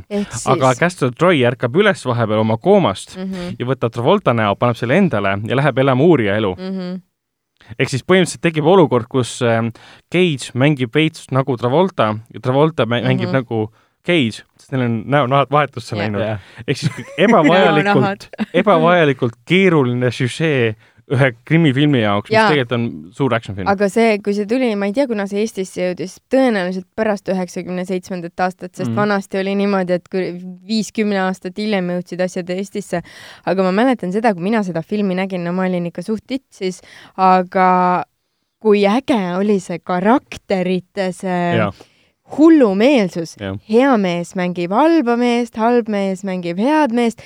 ma nagu nägin läbi selle nagu Cage, Cage oli mu lemmikmees Mm. anyways onju ja siis ta mängis äh, hea mehe näoga paha meest, onju, oli niipidi või? jah. jaa, täpselt. Cage mängis Travoltat. ja, ja siis oligi see, ja siis kuidas see hea mees kõik arvasid, et ta on paha ja siis kuidas tema hea hing sai kogu aeg kahjustada sest kõik jah. arvasid, et ta on see paha mees onju. ja ja kuidas, see- kuidas ta mingis mõttes muutis selle paha tegelase te,, tegelase suhtumise nii-öelda, suhtumisega muutis ju Mm. inimesi elu, el, paremaks mingis Jah. mõttes. ja vot see, see, see duaalsus mulle nii meeletult meeldis, ma mäletan seda, see Cage'i roll oli ikka siukene larger than life crazy mother kuke. et et see oli nii hull ja ma vaatasin seda. Wow, see on nagu- see oli ka Nii- nii suur action film siin Mega, nagu jaa, see on mega. set-piece'id ja action ainuke stseenid. film filmi ajaloos, kus on äh, lõpu finaalvõitluste ajal, mis on siis tulistamine, peksmine Mhm. ja nii edasi, kõige rohkem kaadris lendavad tuvisid. ja see on mingi John, see on muidugi John Woo teema. kui ta on hakkas Hollywoodis filme tegema, siis äh, teistes filmides väga palju ei olnud, aga Face Offis on meeletult palju tuvisid lendavad sulle kaadrisse mm -hmm. või Mhm. hüppavad kuskilt katuselt, mis iganes ära ja siis sa vaatad Mission Impossible kahte, mis on paksult tuvisid täis. ehk siis sul on need eepilised kaadrid, kus Tom Cruise või keegi astub kaadrisse ja kuskilt kaadrinurgast lendab tuvi välja. see peaks olema ja see eepiline. oli veel üheksakümmend seitse Mhm. ja, ja see oli ju siis äh, üks aasta pärast Phenomenoni. ük- üks aasta pärast 96, Phenomenoni ja siis paar 97. aastat enne Matrixit põhimõtteliselt. Matrix ju tegi selle see oli kaks äh, aastat enne Battlefieldi. aegluubi slow Jaa. motion'i muutis Matrix väga populaarseks, aga Face-Off tegi selle juba enne ära. sest filmi lõpus on ju kirikus see suur action just. kus on tegelikult pole kasutatud CGI-d ega midagi laadset, et No teha slow motion action stseene Mhm. see on see klassikaline kaadrisisene montaaž. Mm. ja seal ma mäletan see, kuidas nad hüppavad kaardid üksteise Mhm. poole, tulistavad, nägi kõik väga äge välja. Mhm.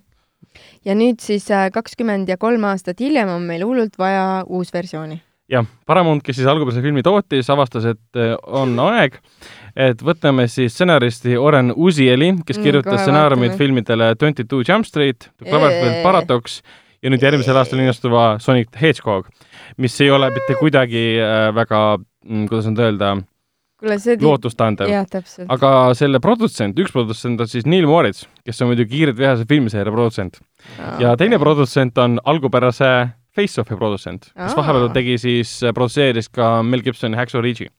ehk siis nagu veits nagu lootust on, aga lihtsalt ma ei saa sellest, ei, ei ole mingit lootust, miks üldse ei, ei nagu. ei no selles mõttes lootust, et see on piisavalt jabur film, kui sa teed sellest remake'i, sa paned sinna, pead otsustama, kelle sa sinna tänapäeval peaossa paned. Kes on need tänapäevased Cage'id, tänapäevased No, Travoltad? sellepärast nad teevadki seda remake'i, et nad saaksid seda absoluutset näovahetust ja Jaa, näit-, näitlejad mängivad teisi näitlejaid. ma ei tea, Tom Cruise ja Channing Tatum või, come on. ei, Tom Cruise on juba vana, tema jäägu oma Tema- Ethan Hunti juurde, aga siin on ju teisi Brad- ei Brad no Hemsworth tuleb ära Brad Pitt jälle. ja Leonardo DiCaprio. kuule, sa ei ole üldse viimasel ajal filme vaadanud või? staarid on ainult need, kellel on suured musklid nagu see, et kas sa oled hea näitleja või mitte Mm, mm., nagu tähendab Hemsworth suht oleks üks vähe. variant ja kes, kes siis mängib eh, Nicolas Cage'i pöörast crazy't Robert Downey? Jr. ta ei mängi enam, me ju rääkisime sellest, ta on nii rikas nüüd. kui nad teevad, kui nad teevad nagu mõne stseeni uuesti, nii nagu algupärast John Woo filmis oli, siis tuletame meelde, meelde, millega film algas. Sul on et äh, mismoodi isa- tutvustati, tutvustati Nicolas Cage'i Castor Troy'd. kiriku isa hõlmadesse riietatud äh, Castor Troy ehk siis Nicolas Cage, kes läheb kirikusse ja vaatab, kuidas siis lapsed laulavad kirikukooris. üks tema see armuke on seal. jah, ja läheb ühe armukese juurde, katsub ta tagumikku ja siis teeb imelikke liigutusi ja karjub suure häälega. ajab silmad suureks ja siis teeb siukest met-, metalli, metal, metal kontserdi liigutust, käib peaga meeletult, sellest on mingi meme saanud siis ta lasi selle kiriku nagu õhku. vist oli umbes nii ka. Ehk siis ta on terrorist, kes laseb asju õhku ja tappis Mm. selle ära, kui ma ei eksi, siis ta tappis selle Travolta tegelaskuju ka poja ära. jaa, midagi oli vist. ja ma mäletan, et selles filmis oli üllataval kombel see Travolta, tema nais na,, Travolta tegelaskuju naise ja see, see poja suhe oli väga ilusasti välja joonistatud. Ja mis eriti muutus pingestatuks siis, kui äh, Cage äh,, tähendab siis Castor Troy võttis Travolta näo ja läks siis tema perekonda elama põhimõtteliselt. Seal tüt- tütar oli ka, mäletate seal? jaa, ta hakkas näperdama. Jah. see film on räme seibikas tegelikult, aga aga kuna ta on juba, kuna ta on action film ja, ja kuna ta on nagu, nagu karakterdraama ka mingis mõttes, siis ta mängib need, ta on mingis mõttes nagu selle Michael Bay'lik. Kui Michael Bay teeb mingisuguseid noh, inimestega action filme, siis tal on samamoodi nagu Bad Boys, ta mängib kõik hästi suureks nii-öelda mm.. et lihtsalt väiksed tunded või siis mingid eneseväljendused muudetakse mingi kaamera liikumisega nagu meeletuks action stseeniks põhimõtteliselt ja John Woo tegi seda nagu esimesena juba John Woo tegi seda enne lahedalt, kui Michael Bay hakkas tegema, jah. ja aga selles mõttes, et see film on nagu mingi grandioosne sümfoonia lihtsalt, see Face Off siis, see on oota, ta veits on nagu, ta oli tõesti nagu siukene täiesti out of this world hullus aga ta on veits nagu film, mis saigi valmida enne milleeniumi vahetust. mm,. sest no selles suhtes, mis point on seda tänapäeval nagu teha, kui kõik tehakse nagunii arvutis või siis me teame, et mitte miski ei ole Jah. võimatu enam, et äh, teevad lihtsalt selle, ma ei tea, Hemsworthi näost äh, panevad täpikesed näkku ja teevad, ma ei tea, kelle iganes see tundub muidugi üleliigne, sest algupärases Mm. filmis seda ei tehtud jälle. aga nojah, et nad saavad võib-olla tõesti mängida sellega, et sa paned sinna siuksed näitlejad, kes tunduvad sellise jabura ideega filmi juures väga lahedad variandid, ütleme nii. James McAvoy, kuigi ma loodan, et ta niisugust rolli vastu ei võta nagu. siis võiks olla umbes niimoodi, et kuna James McAvoy'd ei saa pärast Splitti jah ja, Glassi sama pilguga vaadata, jah, siis ta võiks mängida kahte inimest, kes on mõlemad McAvoy'd Aa, ja mõlemad jah. vahetavad oma näod. jah. mis on mõttetu muidugi. aga no see ongi see point, miks seda uut filmi tehakse. aga pigem on see, et mulle tundub, see on sellepärast, et äh, Paramount vaatab läbi oma vanu siis nii-öelda ideede puudus vist. kogusid. vaata, kui on library üle ja millest remake'i teha, paned li linnukese juurde, remake, Väga remake, remake. väga nõrk ausõna, noh. ok okei, see lihtsalt tekitas mul lihtsalt soovi vaadata Face Offi no- uuesti Mul. ka, jaa, jaa, ma tahan ka hullult näha, et see omal ajal oli see tohutu hitt isegi kriitikute hulgas. kõik täiega armastasid seda filmi. ja Bro- Broken Arrow't ma tahaks ka uuesti vaadata, sest see oli ka päris uus. üks aasta pärast Face Offi tuli see välja, sama režissööri käe alt oh,. Vot selge, sellised on arengud olnud Hollywoodis. aga lähme Mhm. edasi, lähme edasi filmi soovituste juurde, mainime muidugi ära, et äh, Foorum Cinemas kinoklassika raames äh, linastub septembrikuu veel viimastel nüüd äh, kolmapäevadel Roman Polanski Chinatown ja nüüd siis ka teisest oktoobrist alustab oktoobrikuu kõikidel kolmapäevadel äh, film nimega Rocky Horror Picture Show. jee, seda peab vaatama, seda peab vaatama, see on väga-väga legendaarne, väga lõbus, väga tore väga Tim crazy, väga naljakas, väga värviline. peaosas on Pennywise. kunagi me käisime kuskil, kuskil mälumängul, küsiti meie käest, anti vist valikvastus ka, mis on üks film, mis on olnud kõige pikemalt, kõige kauem aega kinos siiamaani. siiamaani. jah, see ongi seesama. Tuleb välja, et USA-s on siiamaani kinod, mis on seda konstantselt kõik need mis aastad aastast ta näidanud. pärit oli, seitsekümmend midagi, seitsekümmend kuus äkki või? ma tahaks öelda, et seitsekümmend kuus, aga ma seitsekümmend vaatan. viis, Ah. üks aasta mööda uh,. traditsiooniks on saanud USA-s see, et nad vaatavad seda Halloweeni ajal, Mm. oktoobris vaatavad uuesti. Iga aasta. okei, okei. huvitav, et ta. Halloweeniga kokku läheb. Seal oli Samas see hea. teema ju seal on suur tume loss ja sul on ägedad ja laulud, see minu ägedad arust äh, kostüümid. leiabki aset ka üks või kaks õhtut enne Halloweeni. okei, see küll. tegevus hakkab toimuma või pihta. Mhm. nii. mina nägin seda kunagi väga ammu ja ma arvan, et ma olen seda näinud ainult tükiti. ehk siis see oleks minu jaoks esimene kord, kui ma vaatan seda korralikult nagu tervikuna ära. Ruttu-ruttu kinno. Äh, lisaks mainime ära, et äh, sel nädalal alustavad siis nüüd kolmeteistkümnendast septembrist juba alustasid tegelikult siis Downton Abbey, Kallis isa, Paharett ja Ükssarvik. Netflixi jõudis äh, prantsuse horror-seriaal Marianne, mis tundub päris uus. mina soovitan vaadata ka ta Islandi puhtalt sellepärast, et kui tahate nagu näha, milline on räige rämps, siis see on see räige. ja samal ajal alustas Netflixis ka hästi tõsine teema, tõsise teemaga seriaal Unbelievable, mis puudutab siis ähm, sari äh, vägistajat USA-s, mis saab alguse kõik sellest, et üks, üks neiu väidab, et teda vägistati, teda keegi ei uskunud ja lõpus tuli välja, et tegelikult oligi hoopis sari ähm, kriminaal selline, kes tegeles sellega. ja pidi olema päris äh, võimas ja äh, eriti praegusel ajal, kui kus inimesi ei usuta äh, seda puudutav teema, teemaga Mm. seriaal. kiidetakse kõvasti praegu igatahes okei. uh,. Telia HBO-s on endiselt Chernobyl Euphoria uh,. ma tõesti ei ole vahepeal HBO seriaale vaadanud, siin vahepeal kinnitati ära, et kuule, siin HBO-s hakkab ju järjest asju tulema. Watchmen, tuleb, tuleb, oktoobris ju. jah, oktoobris juba ja Eh, siis His seal- Dark Materials kinnitati ka ära, aga see oli alles novembris. see on see Kuldse kompassi äh, põhjal põhimõtteliselt tehtud siis seriaal, kus Jaa. on ka James McAvoy. siis ma vaatan. Seal on- see on- kuigi ma vaatasin ka Kuldset kompassi, ma ei viskanud silda väga selle peale, mitte keegi ei visanud, see Kuigi- kukkus niimoodi läbi. kuigi seal oli nagu väga palju promising'i, et nagu oli, hakkab looma, hakkab looma mm,, see on nagu mm., kõik nagu vajus nagu. ainuke meeldiv asi seal filmi juures oli see, kus need kaks jääkaru kaklesid ja üks jääkaru põhimõtteliselt nagu murdis teise jääkaru kaela. see oli umbes, aa, ma seda küll ei oodanud, et ta kaela murratud. ma isegi ei mäleta. ja seal on mingi suur võlujääkaru, kes jookseb ringi. ei, seda ma mäletan, aga seda kohta ma ei mäleta, ma lihtsalt mäletan, et seal oli üks äh, väike tüdruk, kes jälle seikles kuskil ja lihtsalt ma, mis minu vaimupildis on väga ere, ere, on äh, üks mingi söögilaud, mis on kaetud ja siis äh, mingi suur söögisaal kuskil ja siis ta kõnnib seal tühjade toolide peal. see oli mm. visuaalselt kena.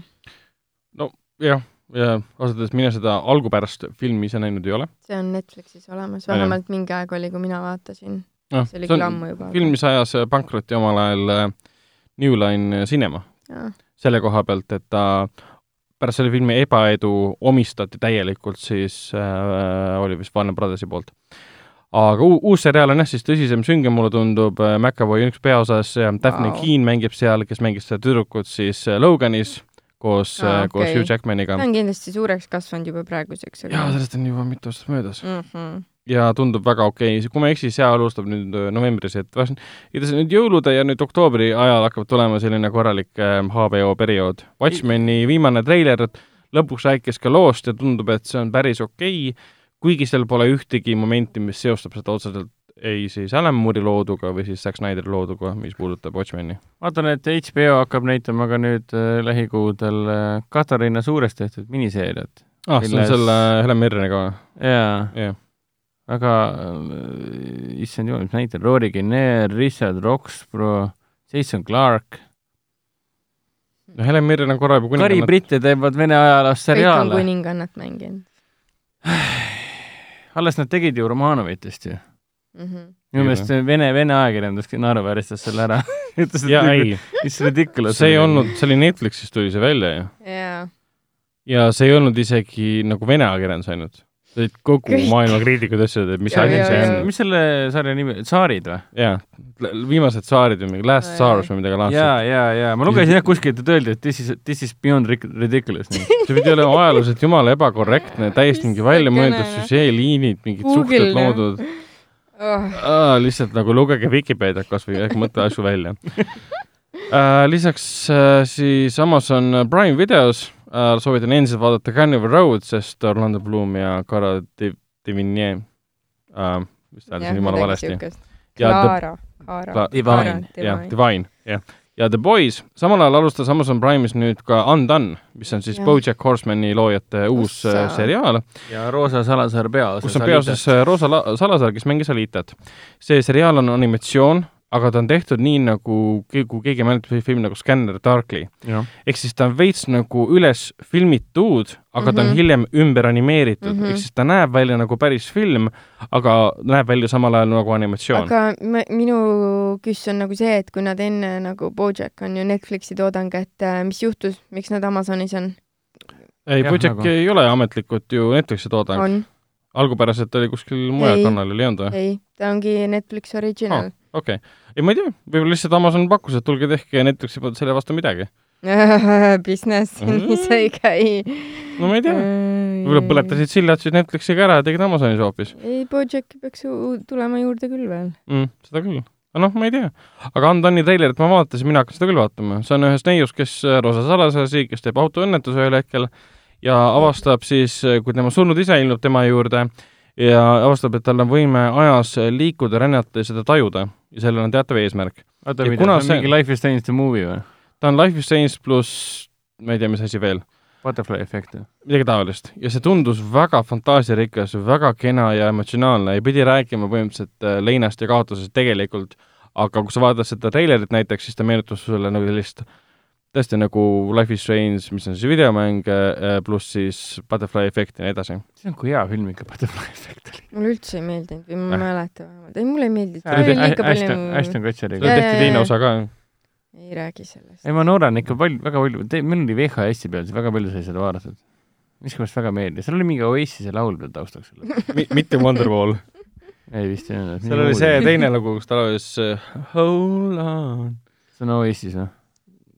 ei, ei olnud, see oli on keegi teine see ei ole Oasis. kuulge, see oli see Hold on Don't be. scared. kas Jaa. sa laulid seda laulu? ma ei tea, millest te räägite, mulle ei meeldinud see film. kirjuta Don't- Google'isse hold on, don't be scared.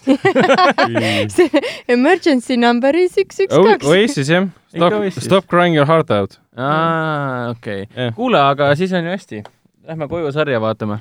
täpselt, sellega loeme saate saateks, aitäh, et meid ära Mhm. kuulasite, oota, ma vaatan, palju meid kokku on. Kaks tundi ja nelikümmend üks minutit. võrreldes eelmise saatega, mis oli üsna lühike, siis me oleme jah, vana, vanade trikkide peale väljas, ütleme nii. trikimehed ja naised. aga aitäh kuulamast, minuga koos tänases saates olid äh, Helen ja Hendrik tšau, ja muidugi ikka mina. näeme järgmine kord, tšau. tšau mina.